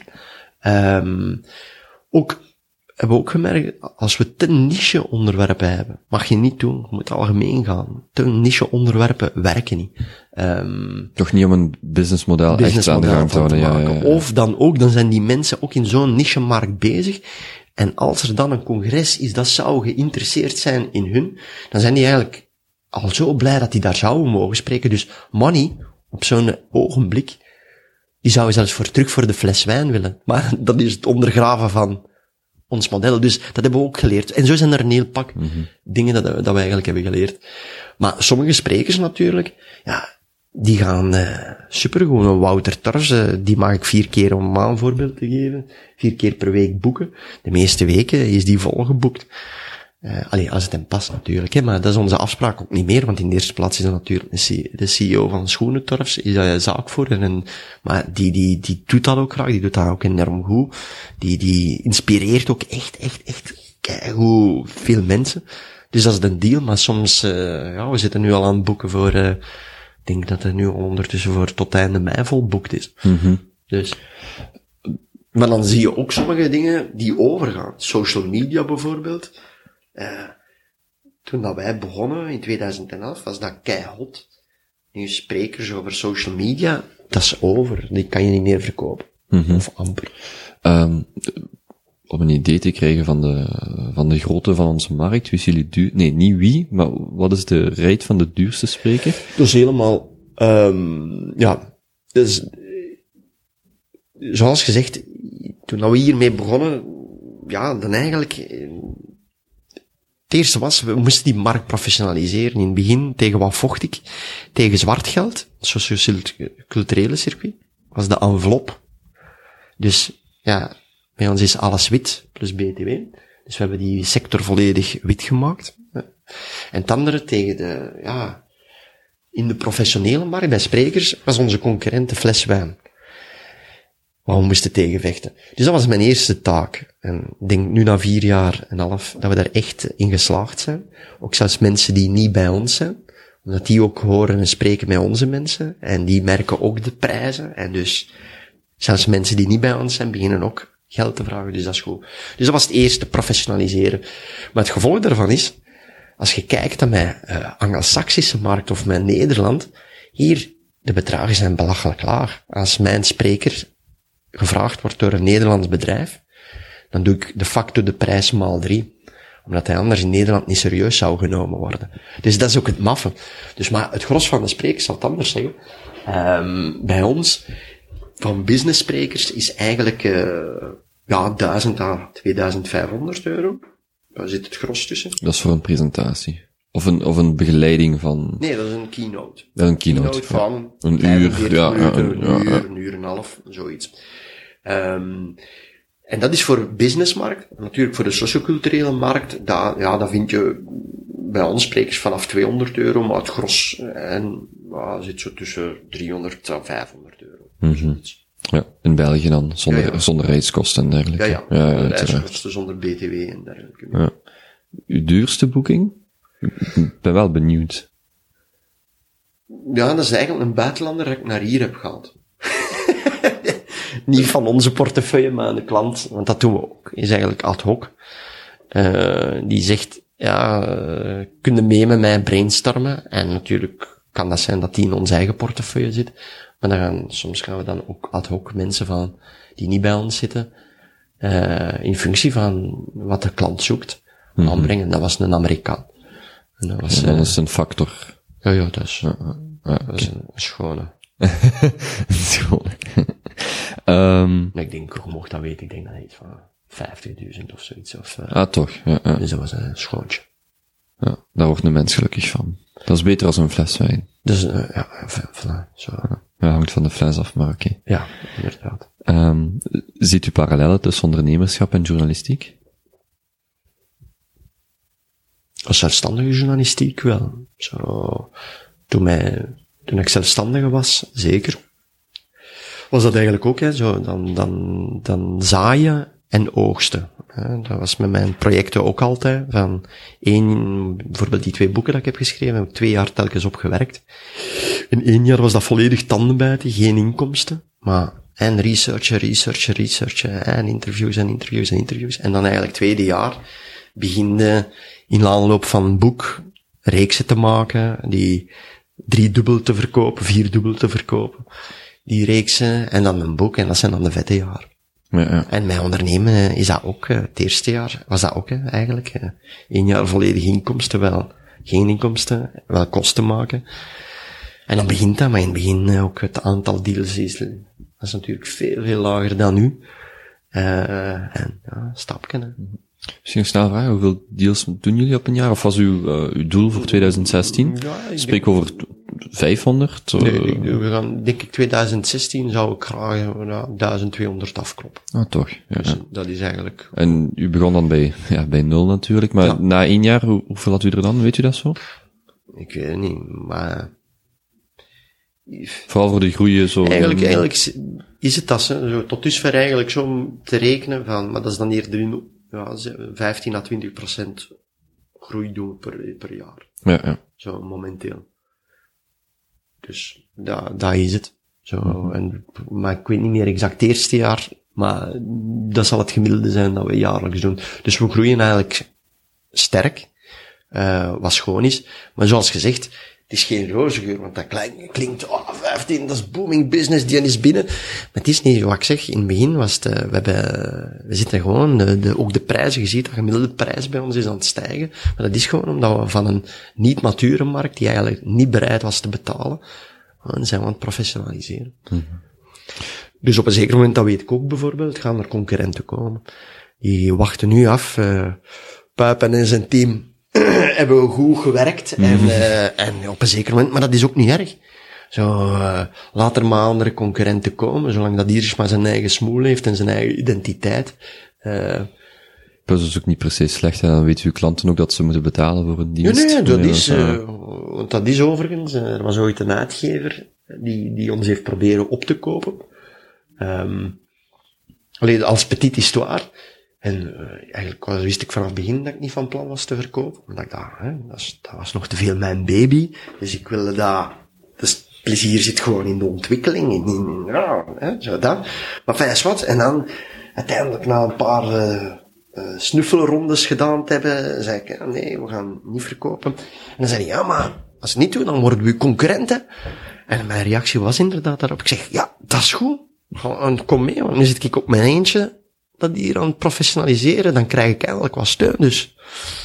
ja, inderdaad. Maar, maar ze hebben er een plan opgegeven, te Ja, jammer. Ja. Ja, jammer. Ik vind dat een van de mooiste, als ik met mensen spreek over, het gaat dan over, over sales of marketing. Ehm het voordeel, voorbeeld van Pepsi en Coca-Cola is eigenlijk geniaal. Zij hebben, zij hebben, het ene decennium lag de ene van boven, dat, hè, met Michael Jackson en dan de andere weer en zus en zo. Maar wat die mannen geniaal hebben gedaan, is gewoon door hun, door hun, de samenloop van hun inspanningen is die markt veel groter geworden. En of jij nu 30% van een 100 miljoen hebt, of 20% Ja, ja, van klopt. 5 miljard, eh, dan doe ik wel 20% hoor. En, En dus ja, dus in, dat is- in, in, in, dat opzicht uh, mogen er nog wel een paar bij komen. Ja. Maar ja, oké. U haalde net boeken aan, eh, boek- het schrijven van boeken aan. Ehm, is dat in België nog, nog lucratief? Of ja, lucratief. kunt je daarvan leven? Ah, als auteur. Wel, David de- van nee, Rijbroek wel. Wel, ja, kunt je ervan leven is ook een stomme vraag. Als je op water en onder een brug, dan kun je bij wijze van spreken van alles leven. Maar uh, waren uw boeken een goede investering van de tijd? Je- Financieel dan, financieel. Ah, niet, nee. niet ideologisch, financieel. Nee. En eigenlijk denk ik dat ik gewoon dan nog chance. Alleen, want eh, in België, als je 1500 boeken verkoopt, dan, dan moet je content zijn. Van mijn eerste boek, denk ik, zijn er 7500 en van een tweede 9500. Dus dat waren eh, bestsellers, hè, zo'n bedragen. Bij, bij beide boeken en met de ene heb ik 10 weken in een top 10 gestaan. En, maar om maar te zeggen hoe belachelijke bedragen dat, dat zijn, als je weet dat over maar 7500, oké, dat is mooi, maar hè, rekent uit 7500, alleen of 9500, maal 3 euro per boek, ja, dan weet het. Plus dan, oké, reeksen, dat betaalt wel, maar zelf economisch bekeken, mogen dat niet op. Natuurlijk, eh, dan moet u daar, en zo heb ik dat gedaan, moet u er naar organiseren, waardoor dat dat eigenlijk draaglijk is. En wat wat was mijn oplossing? Dat ik in al die jaren tegelijkertijd surveillant was in een gebouw. Dus uh, ik betaalde, ik weet het al niet meer, hè, dat was zo'n zo grens in Brussel tussen wat de bende, allee, wat de bendekes zijn en eerder zo uh, hè, de Dansaarstraat, het chique. Dus ik vond het ook plezant. Hè, zo, uh, ik kende ze allemaal. Maar dat, dat was mijn oplossing. Nou ja, omdat uw kosten, betaal ik iets van 50 euro uur, of ik weet het al niet meer. En ja, dan, dan kun je echt ook wel een tijd zingen zonder, uh, allee, dan is dat niet zo erg. Maar als je echt wilt zo leven met ding, dan moet je ook nooit het zo aanpakken gelijk mij. Zo diepgaand gaan, of... Uh, Want uw boeken zijn niet dun, hè? Ze Zijn? Uw boeken zijn niet dun. Nee, mijn nee. uitgever heeft altijd gevloekt. Maar hij heeft mij ook altijd wel gezegd, want die dacht, die, die, ze verkochten wel. Maar hij zei dat ook, van Jan, uh, dat, hoe dikker dat ze zijn, hoe moeilijker verkoopbaar. En dus, ja, hij was er echt ook wel toch zelf tevreden over, om ja. te verkopen. Raadt u het iedereen aan? Mensen die een boek willen schrijven? Zegt u, doe dat, of? Oh ja, dat is een plezier. Ja, maar dat hangt af, hè. Ieder zijn zottigheden. En dat was mijn zottigheid. En ik had dat in mijn kop gehad, dat ik uh, blij ging zijn als ik een boek ging geschreven hebben. En ik was ook blij, ik was ook fier. En, en dat gaf mij plezant. En, u zou het ook opnieuw doen? Dat weet ik niet. Zo, allee, ik kan mij wel, nee, ik kan eigenlijk wel mij inbeelden dat ik dan, maar nu, allee, ah, ik heb er geen tijd, dat is nu ook niet mijn prioriteit, maar ik kan mij wel inbeelden, wie weet, op een zeker moment, dat, dat toch weer, uh, want dat is echt wel plezant van een, een, een, allee, alles waar eigenlijk een witblad ook zo'n onderneming op start, is ook een witblad. Zo.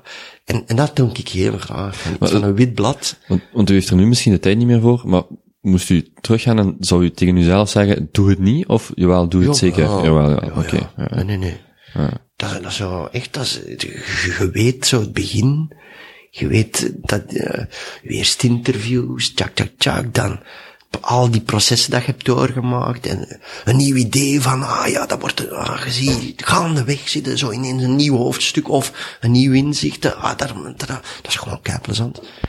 En dan het vroeten, soms zelfs op het, op het kwaad zijn op jezelf, van waarom heb ik dan nu in godsnaam dat idee gehad, want dat is ook bloed, zweet en tranen soms. Uh, maar dan op het einde, ja. Uiteindelijk bent u er tevreden mee. Ja. Um, Allee, eigenlijk weet ik niet, want ik heb dat nog nooit teruggelezen. Dat is ook, sommigen lezen hun eigen boeken. Ik heb nog nooit mijn, mijn twee boeken eigenlijk teruggelezen. Dus zo, dat, is, dat is precies iets wat ik toch niet, ik weet niet, durf of, of dat lijkt me heel vies. Ja, eigen als, als het een troost is, ik kan ook zelden nog naar mijn interviews eens ze klaar zijn, terug herbeluisteren. Ja, dat, dat is hetzelfde. Misschien, kan ik u daarmee troosten. Heel goed, voilà. Ja. Um, ik, ik heb nog een paar vragen. Um, ja. Ik ga u specifiek een vraag stellen over uh, presenteren, modereren. Ik merk dat nog altijd vrij veel mensen, ik ook, ik heb ook al regelmatig gepresenteerd voor een groep, maar toch nog altijd moeilijkheden heb.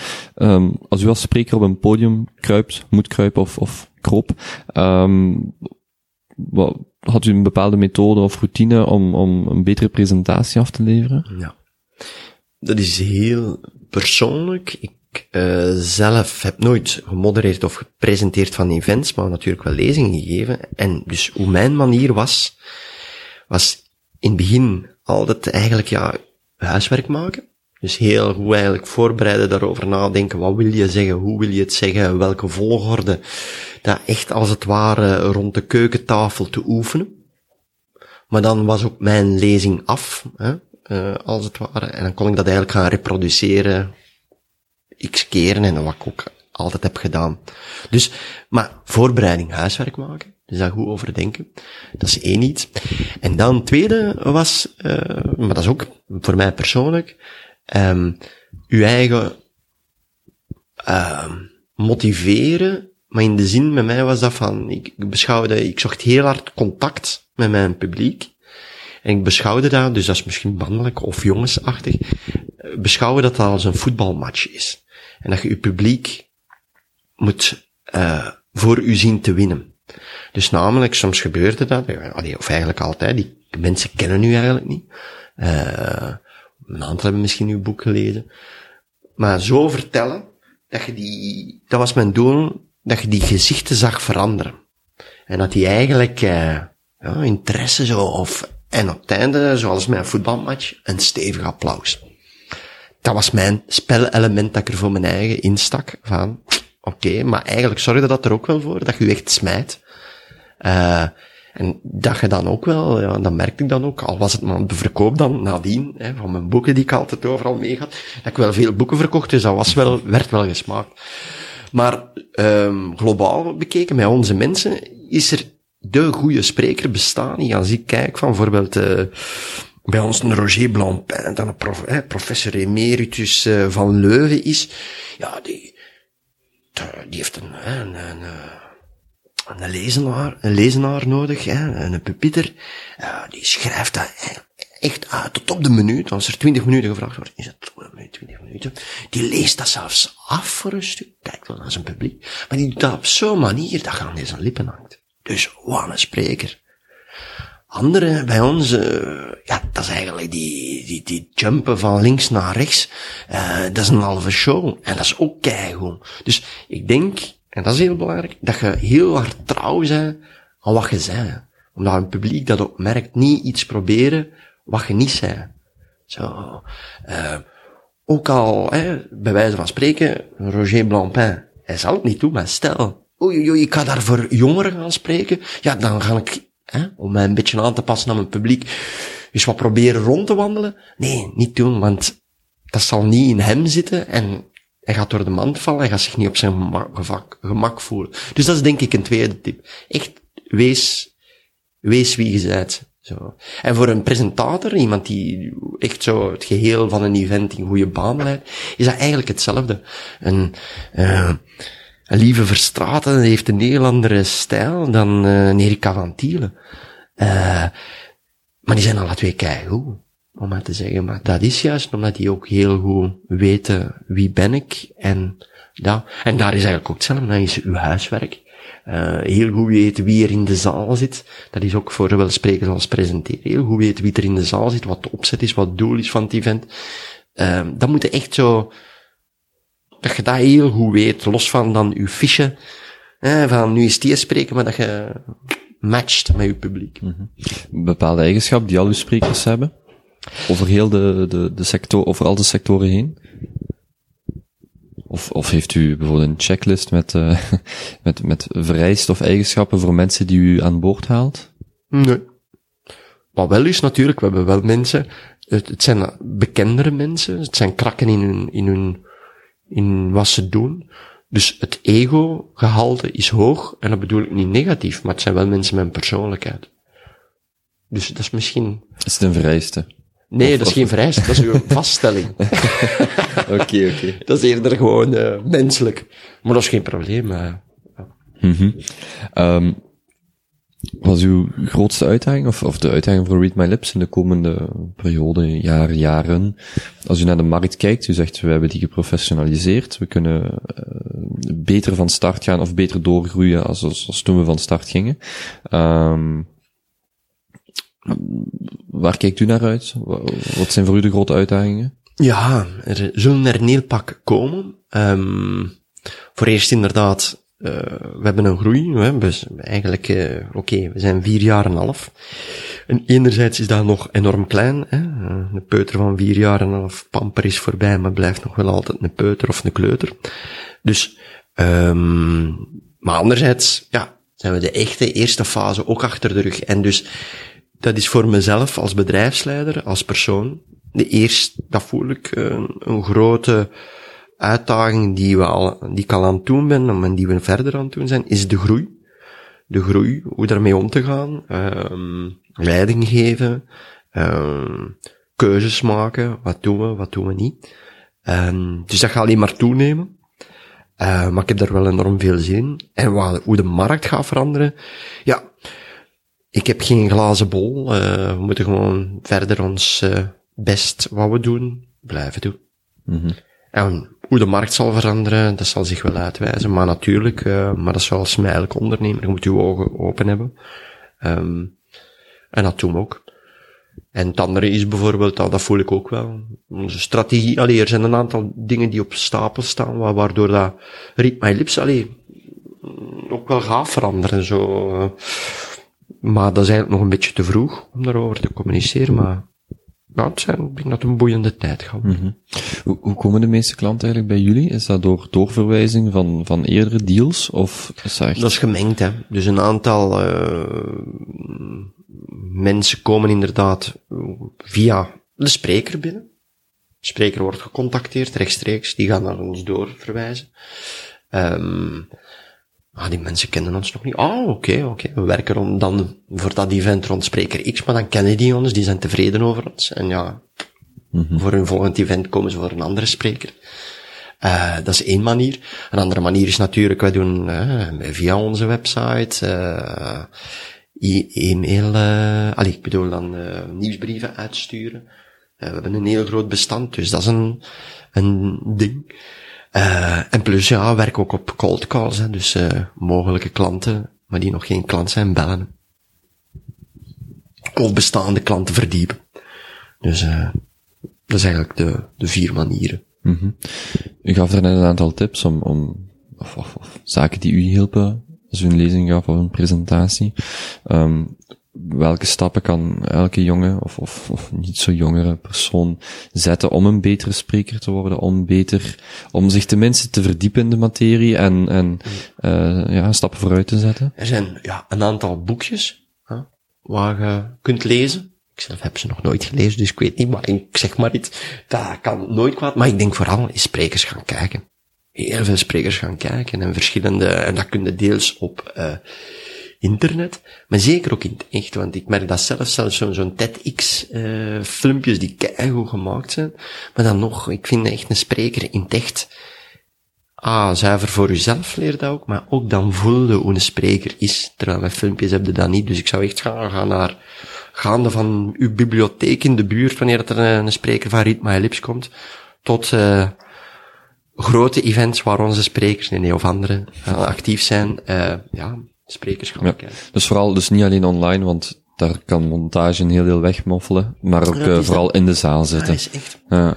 ja, ik kan me voorstellen dat, dat, dat eh, een spreker eh, door montage of in een filmpje heel zelfzeker overkomt, maar op het moment dat hij merkt dat zijn zaal toch niet echt reageert en je zit ertussen, dat je wel voelt van, voelt van oei, Ja. dit is toch niet, toch niet zo goed. En als je het filmpje dan bekijkt, dat je denkt van wauw. Gelijk een samenvatting van een voetbalmatch, dat, Dat je denkt van, eh, ja, ja, ja. wat een, uh, een goeie match is dat, maar als je het helemaal hebt bekeken, wat een draak van een wedstrijd. Hè. Vindt u die TED Talks eigenlijk een, een goede ontwikkeling? De, het succes van, van dergelijk formaat? Mm, Ja, zeker. Tijd heeft zeker iets uh, betekend. Persoonlijk vind ik nu wel het, uh, enerzijds dat er te veel TEDx'en zijn. Hè. België, als je al kijkt, zo'n klein landje. We hebben Gent, Antwerpen, Brussel, Luik, allee, Hasselt. Hasselt. Zo. Dus voor mij te veel, maar ja, als er een publiek voor is, dat is goed. Het andere is natuurlijk cijfer nu als uh, uh, bureau. Ja, ze zijn niet de enige, maar ik vind het wel straf natuurlijk. Een heel pak van die TED uh, uh, vragen geld. En nog niet weinig ook. Maar hun sprekers, hun grondstof, betalen ze niet. Dus uh, daar hè, kan ik als sprekersbureau natuurlijk uh, niet mee akkoord zijn. ja. Nee, maar het is... Ja, een fles wijn. Maar ja, Ja, inderdaad, want ik wou er zelf ook aan deelnemen als je dan hoort dat 70 euro is of meer, of, of, of rond die prijs om, om te gaan luisteren. En online staat alles gratis. Ja, ja. Ik, Dus, eh, Dus dat is een beetje in onevenwicht, maar natuurlijk, ze doen maar. Hè. Dus. En voor een spreker, dat is ook wel, als, dat, dat merk je wel, als spreker is het natuurlijk wel nuttig om je te lanceren, of zelfs voor onze sprekers, want hè, onze sprekers zijn betaald, maar dat is duidelijk zo, een TEDx. Wij laten hun daar vrij in om op in te gaan of niet in te gaan, en dan valt dat buiten onze samenwerking. Het enige wat we zeggen, momenteel, omdat mensen eigenlijk ook niet goed dat verschil weten tussen een TED en een TEDx, uh, ja, staat dat op uw visitekaartje nog wel altijd chic van, ik ben een TED-spreker. Dus zuiver commercieel gezien of promo-gewijs kunnen dat wel gebruiken. ja, ja. Dus dat is wel nuttig. Zou je het mensen ook aanraden om, om zelf een podium op te kruipen? Om, om gewoon die angst te overwinnen? Ah, ja. Zegt u, ja. Ja, natuurlijk. Echt, ik, ja, ja, dat is, ik heb dat daar straks niet gezegd, maar, ja, Sowieso, als je de kans krijgt, gewoon doen. En, uh, je leert daaruit. Zo, je leert daaruit. Uh, ik zelf weet dat ook. De eerste keer dat ik ben gaan spreken, als je dat vergelijkt met als je dat de tiende keer doet, dat is dag en nacht verschil. Dat is ook uh, de eerste keer, dat is, uh, ik weet, mijn eerste keer, zoals mij als mijn eerste keer, ik weet dat heel goed. En als je daar nu aan terugdenkt, denkt ook zo van, uh, allee, hoe heb ik dat aangepakt? Of, maar ook al goede dingetjes, dat je denkt, ah ja, dat zat goed, of getest is iets. Ja, je moet dingen testen. Dat is ook zoals een voetbalmatch, je moet gewoon een oefening doen en, en dingen merken en daar, nee, dan moet ik daar totaal niet steken, dan moet ik uh, van voor steken en daar, oei, uh, dat was, dat, dat moet er gewoon uit en god, dat vonden ze interessant, maar ik heb dat maar, ja, dat zat op het einde, ik heb er maar drie minuten over kunnen spreken, zo. Mm -hmm. Allemaal zo'n dingen. Iets compleet anders. Um, Doet u aan sport? Wandelen. Maar ik ben nu gestopt met roken, dus nu ga ik terug beginnen lopen. Want eigenlijk doe ik dat graag. En, en uh, hardlopen? Ja, zo of, afstand lopen. Ja, echt afstandslopen, ja.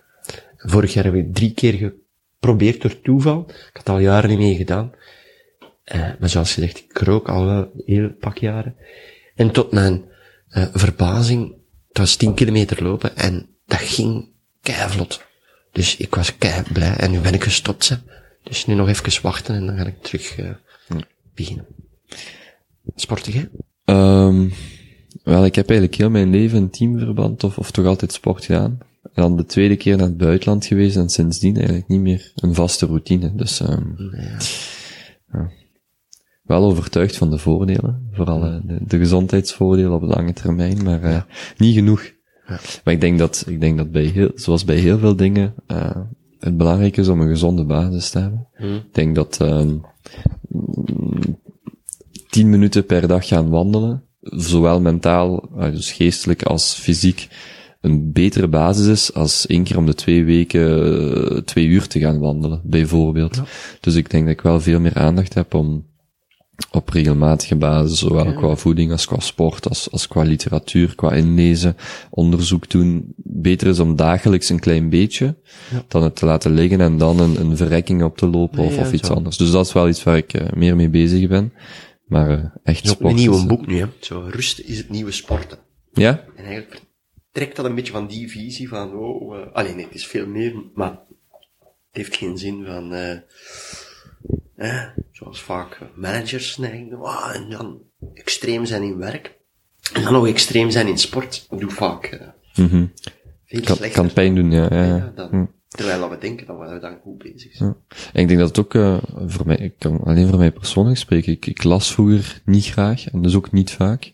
Ehm, als ik nu gewoon elke dag twintig pagina's probeer te lezen, dan lees ik op een week, ja, een week, eh, tien dagen gemiddeld boek uit.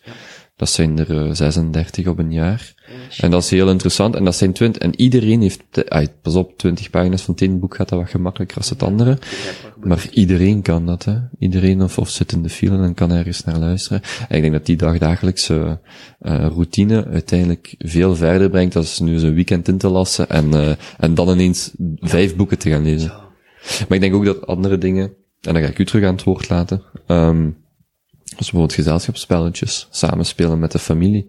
Ehm, je ziet dat bij kinderen, als die problemen hebben met, met wiskunde of met taal, en je merkt dat je daar spelletjes mee doet, en dat die wel ineens dat inzicht wat je denkt dat ze dan toch niet volledig hadden, wel hebben, dan ja, kan dat heel positief zijn, zowel voor de persoon zelf en voor de omgeving, om gewoon te zien dat je dat moet doen. En dat wordt misschien tegenwoordig ja, minder en minder aan. Ik ben zelf blij dat ik zowel het, het analoge opvoeden heb gekend van ja, buiten ravotten en zo. Niet dat kinderen dat tegenwoordig vandaag niet meer doen, maar dat het digitale echt op een heel duidelijk punt later pas is gekomen.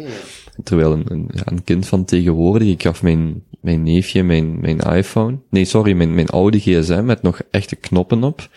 En die jongen begon daar zo op te vegen. Sver, hij is, is, is acht jaar, negen jaar toen het gebeurde. en die begon daar op te vegen en zich op te jagen dat die gsm niet werkte. En hij zegt, maar Kobe, wat, wat is dat voor prul? Ik zeg, ja, je moet eerst op dat bovenste knopje linksboven en dan op het sterretje vrijgeven. En die, hij snapte dat echt niet, hè. En een berichtje schrijven, dat, dat lukte niet. En ik vond dat geniaal om te zien. Maar ik ben wel blij dat ik nog het, nog het verschil... Maar ja, oké. Dat is natuurlijk hè, voor iedere generatie anders. Maar het is wel interessant om die, om die ontwikkelingen te zien. Zeker. En ook wat gezegd, dat klopt volledig. Het, eh, onze, onze kleinste, die heeft eh, het rekenen gewijs. eh, dat is, nee, dat is een goeie niet in rekenen, maar die heeft veel sneller, veel meer dan, bij wijze van spreken, middelen. Maar dat komt door gezelschapsspelletjes. Die van dat kei plezant kaarten. En dan zo kaarten optellen hoeveel punten. En daardoor heeft hij eigenlijk leren rekenen. Ja, ja. Zo. Ja, en dan zou En dat die wou dan het meeste hebben en tjak, en kijk, gemotiveerd wat te winnen en, en dan ineens zie je, die, ja, die is eigenlijk aan het optellen allemaal, en, en, Ja, ja, ja. Zo. Ja, dat is, dat is, ik vind dat fantastisch om, om kinderen, maar ook om jezelf uh, zo bezig te houden. Ook, Ja. ook het omgekeerde is ook waar. Oudere mensen, of veel oudere mensen zouden er ook beter aan doen om, om dagelijks een krant te lezen, of een artikel, of het maakt niet uit in plaats van niks te doen. Al is dagelijks maar één artikel, gewoon om een beetje uh, up-to-date te blijven en, en, en u mentaal bezig te houden. Zeker, ja. Maar goed.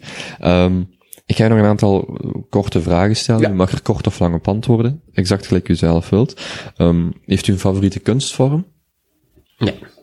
Ik ga wel van kunst, maar niet favoriet. Niet, niet specifiek uitgesproken dat u, dat u iets Bosch. verzamelt. Dat vind ik wel een fantastische schilder. Ah, oké. Dus is wel, Heeft u een werk of een replica van hem? nee, Nee. Oké. dat niet, maar wel een in een boek. En, en voor de mensen die hem niet kennen, want ik ken hem ook persoonlijk niet, Bosch, wat is zijn achtergrond?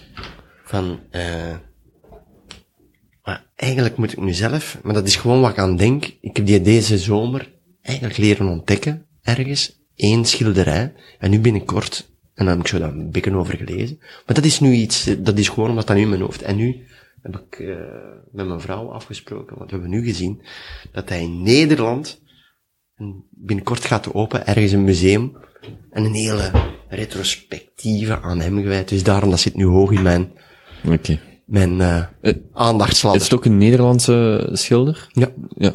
Of een Vlaming zelfs, of is zoiets. Zo. En hij leeft nog? Nee, nee, nee, Ah, nee, oké. van de jaren stilletjes van de middeleeuwen. Dus, Ah, oké, oké. Maar zo een, zo die, eh, maar wat is die stijl? Ik ben er allemaal niet goed, maar zo die, de hel en de hemel, zo, maar met, zo heel demonie, met, demonische figuren, met een duivel met een staartje en iemand op.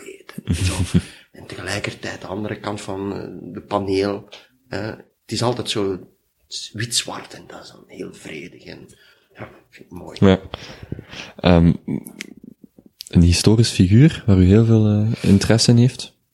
Nee, maar ook weer toevallig. Ja, een, een heel mooie biografie van Winston Churchill, eh, enkele weken geleden gelezen door de vroegere, alleen nee, door de huidige burgemeester van Londen geschreven. Maar echt een heel straffe biografie. En nu ook eigenlijk, het is toeval, juist begonnen in de biografie van Johan Op de Beek over Napoleon. En eh ja, het is een superboek. Ja, ook interessant persoon. Hoe heet het boek?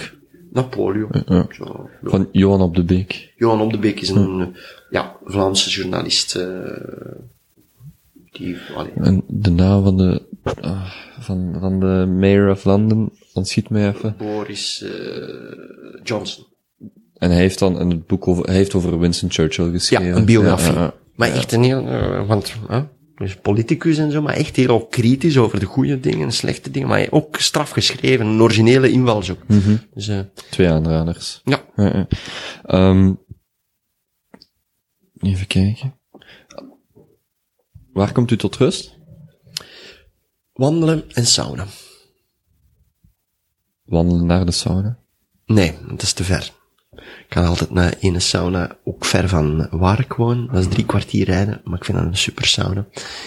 En eh, waarom kom ik daar? Omdat dat een hele grote sauna, dus je hebt daar keuze. Zat, eigenlijk, eh, nou, een hele hete, een softie, een, een hammam. Daar is binnen een zwembad, buiten een zwembad, daar kan ik uren doorbrengen. En ook leuk, dus de, we mogen daar niet bellen, maar ik neem ook mijn gsm daar niet in mee. Dus dat is de plek waar ik echt onbereikbaar baar ben. Dus eh, totaal eh, ja, niet bereikbaar en dat vind ik plezant. Dus als ik u niet kan bereiken, zit u waarschijnlijk in de Ja, sauna. maar dan is de eh altijd wel ik- Mijn lips is altijd bereikbaar. Maar dan ben ik niet bereikbaar.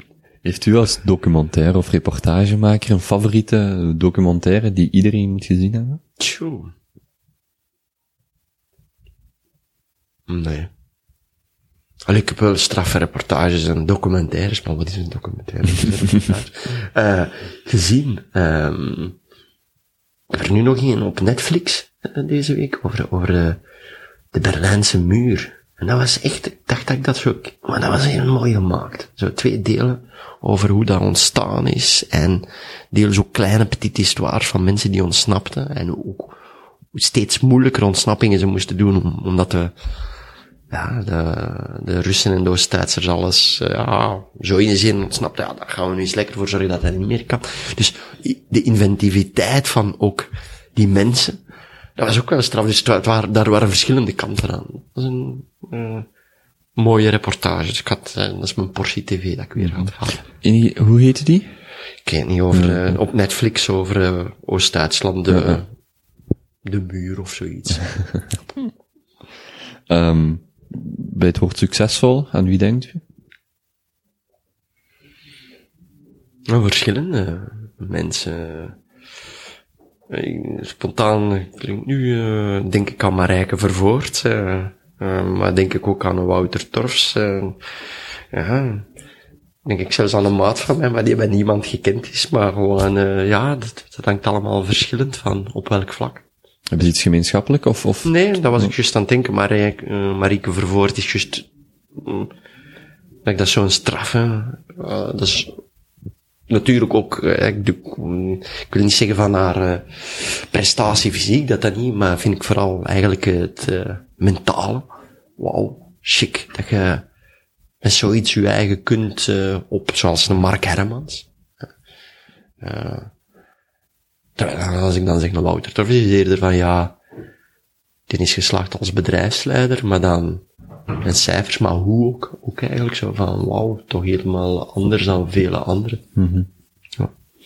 Ehm, als u eh, terug kon gaan in de tijd naar uw 25-jarige zelf, zou u zelf een raad meegeven? Een raad. Wat bedoel je van zo, om het anders te doen, of, of Ja, als u er nu op terugkijkt, was er, is er iets wat u toen misschien uzelf had, wel had willen toefluisteren? Wat u potentieel miserie had kunnen besparen of geluk had kunnen brengen? Nee, eigenlijk niet. Eigenlijk niet. ik ben tevreden met wat ik tot dusver heb gedaan en ik hoop dat, dat ik verder dat doe. Want ik was nu juist aan het denken van confiance misschien, allee, zelfvertrouwen. Uh, maar aan de andere kant, door soms uh, niet te veel zelfvertrouwen te hebben, of, uh, want ik heb wel een zelfvertrouwen, maar ook niet. Sommigen zijn heel, en dat heb ik niet, maar juist daardoor is dat ook misschien goed, want dan stel je jezelf in vraag. En dat brengt, als ik dan denk, heeft mij dan misschien weer gebracht tot, ja, wat ik heb tot dusver gedaan. Reist u graag? Ja. ja. Mooiste plek bezocht in uh, de laatste zes tot twaalf maanden? De laatste zes tot twaalf maanden? Ja, dat was uh, Oman.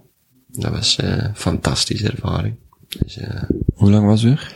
Twee weken. Ja. Allee, iets meer. Dus dat was fantastisch. Aan iedereen aan te raden?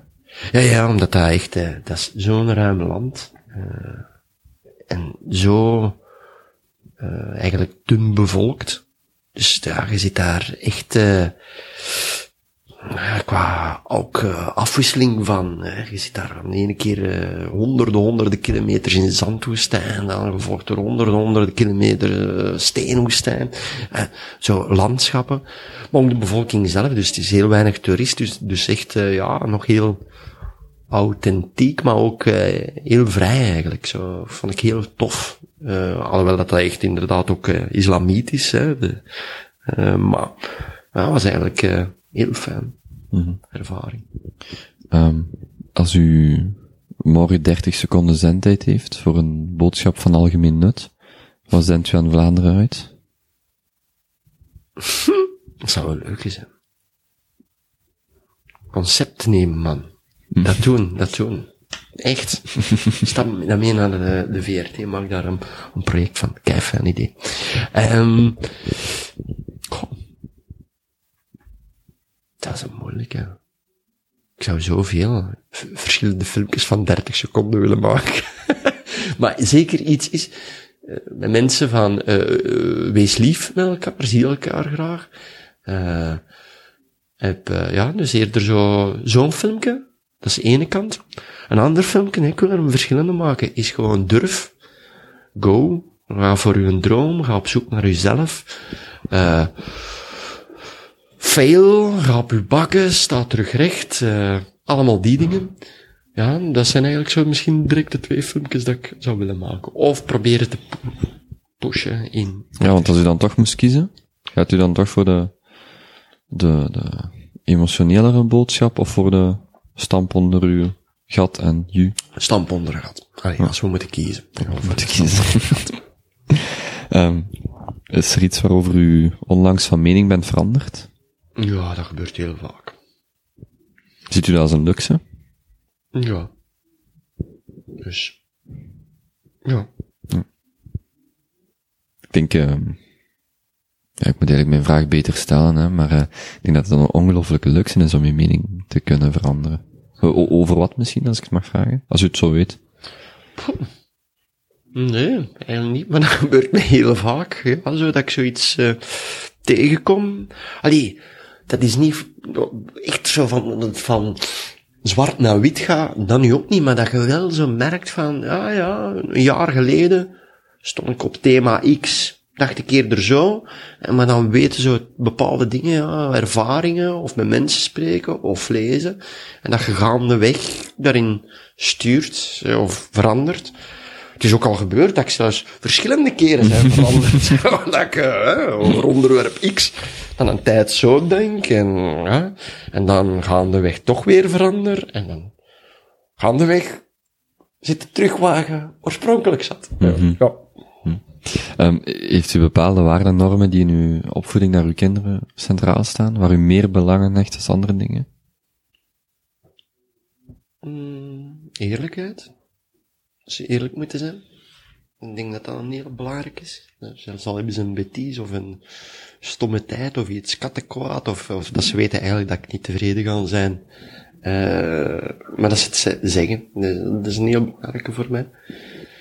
Uh, ik denk dat ze dat weten, want dan weten ze dat ik al minder kwaad ga zijn. ja, dus dat is een, vind ik een heel belangrijke. En voor de rest, uh, ja, dat ze gaan voor hun eigen weg. Zo, ja. Dus dat moeten zoeken. En dat is natuurlijk, ze zijn nog jong, maar bijvoorbeeld, daar ben ik heel blij mee, met de, de, de genoudste, die is dit jaar voetbalt. Die zat in het A-team, want hè, dat is al zo, op die leeftijd, het A-team is dan de beter dan de B-team. Um, die zat in een A-team en dat was een spits. Uh, en dan had hij met ineens in zijn oog, hoofd gehaald dat hij eigenlijk kipper wilde worden. Uh, zonder dat hij daar eigenlijk ervaring of, of zo. En nou, we wachten daar even, maar blijft. En dan hebben wij ook gezegd, ja, dan moet je met je trainer erover babbelen. Dat je kipper wilt worden. En dan zei die trainer, ja, een tijdje, als jij dat echt wilt, omdat dat bleef, ja, oké, maar dan ga je naar een B-team en dan word je daar een tweede kipper. Dus, aan u te kiezen. En hij heeft dat gedaan. en dan was ik kei, eigenlijk wel fier op mijn zoon, dat hem, ja, daarvoor kiest dan van, oké, nee, dat is mijn weg. En dat vond ik, uh, ja, schoon. Mm Dus. Ik kijk heel even. Ik ga je vragen, ik ga je één vraag stellen nog. Ja. Uh, uw middelbaar vak dat u zou verplichten. Maar terwijl u erover nadenkt, ga ik even naar het toilet, want uh, zo'n volle blaas we wachten tot het einde.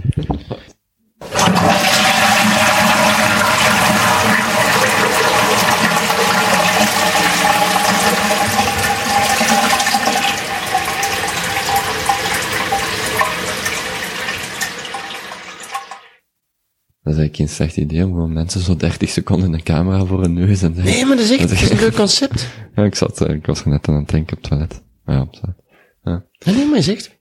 Dus, wie weet. Ja, misschien zo van nadenken. Ja. Wat uh, mee doen. Ja. Um, ja, als een van de laatste vragen. Als u morgen een uh, middelbaar, middelbaar vak mag verplichten, welk is het dan? Uh, dat scholen verplicht worden om uh, sprekers en dat is echt waar niet. Mensen met een heleboel verschillende achtergronden aan hun leerlingen voor te scholen.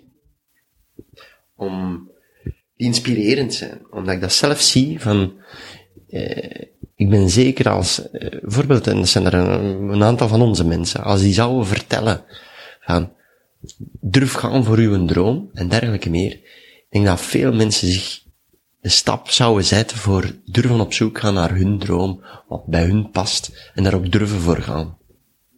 Minder schrik hebben van, wat we daar straks zeggen, ook al eens op je bek te gaan. En ik denk dat dat nodig is in onze samenleving. Enerzijds, de liefdeboodschap, ga zacht met elkaar om en respectvol en heel de reuten met uit. Maar het andere is ook, heb geen schrik van uw schaduw en uh, zie uw eigen graag en go.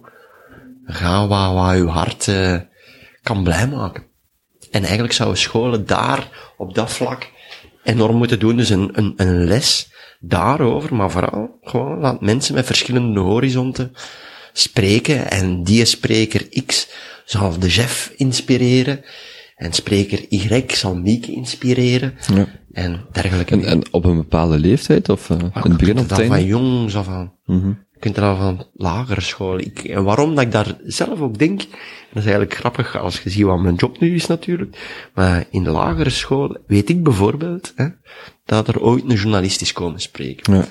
En dat, ik vond dat fascinerend. En dat was een lokale journalist hè, van Torpen, maar ik vond het toch fascinerend. Ja.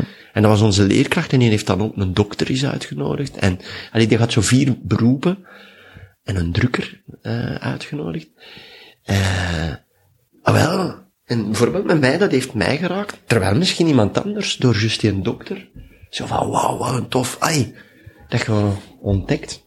Ik denk dat wij in het, uh, in het vijfde middelbaar, heeft onze, onze leerkracht boekhouden of economie, ook iemand uitgenodigd. Dat was iemand van het Hasseltse, die zijn job heeft opgezegd om dan ook on, te, te, gaan ondernemen. En die had daar een boek over geschreven en naar aanleiding van het boek kwam die dan spreken. Ah, En ik weet, ondernemer, de job van je leven, als ik mij niet vergis.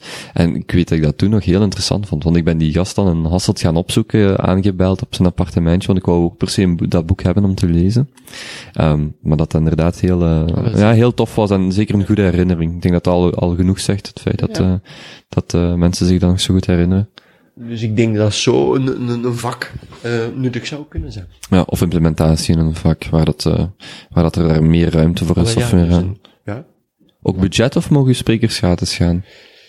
Uh, nee, eh, allee, leveren, nee, we leveren heel veel aan school. Dat is goede klanten, hè. maar dat is dan vooral met twee sprekers van ons, Pedro de Bruiker en Steven Vromma, Low Impact Man. Die gaan heel vaak voor school, maar dat is dan eerder voor grootse events in scholen. Maar, uh, ja, dat is niet echt voor een klas te staan, Ja, dat is meer uh, Dus- toespreken. als het een groot event is, ja, dan maar, hè. Mhm. Nee, nee. nee, maar dat is echt, ik geloof daar echt in, eh, dat dat nuttig zou zijn, eh, voor, eh vitamintjes voor de samenleving en voor elk van ons. Mhm. Wat mag ik u toewensen in dit jaar? Een goede gezondheid, eh, veel plezier.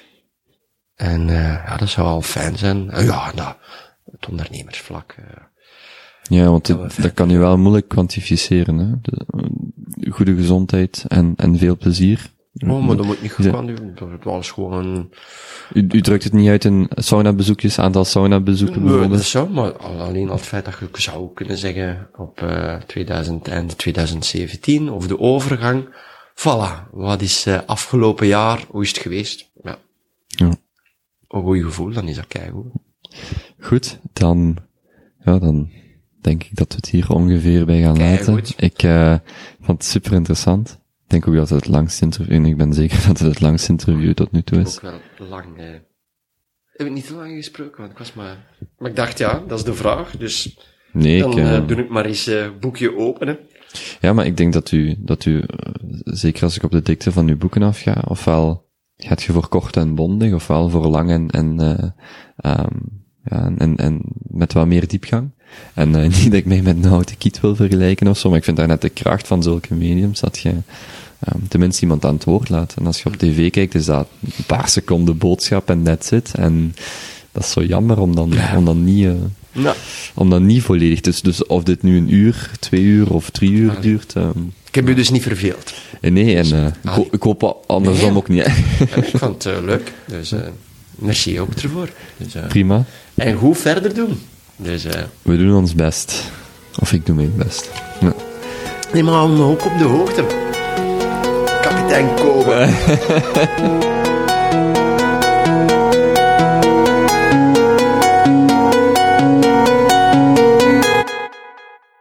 Ziezo, dat was het dan. Hartelijk dank om twee uur de tijd vrij te maken om naar dit interview te luisteren. Check voor alle inhoudelijke links, referenties, wat dan ook, kapiteinkobe.be slash of slash Jan P. Voor meer informatie bezoek gewoon de homepage, eh, stuur mij een tweet op Twitter, at kapiteinkobe. Wil je zo snel mogelijk op de hoogte gebracht worden van nieuwe interviews en ontwikkelingen rondom het project, ga dan naar kapiteinkobe.be slash nieuwsbrief en schrijf u daarin of stuur mij een mailtje kobe.kapiteinkobe.be en dan voeg ik u manueel toe. Het was me genoegen om nogmaals uw gastheer te mogen zijn en wel, tot volgende week. Ciao, kiss!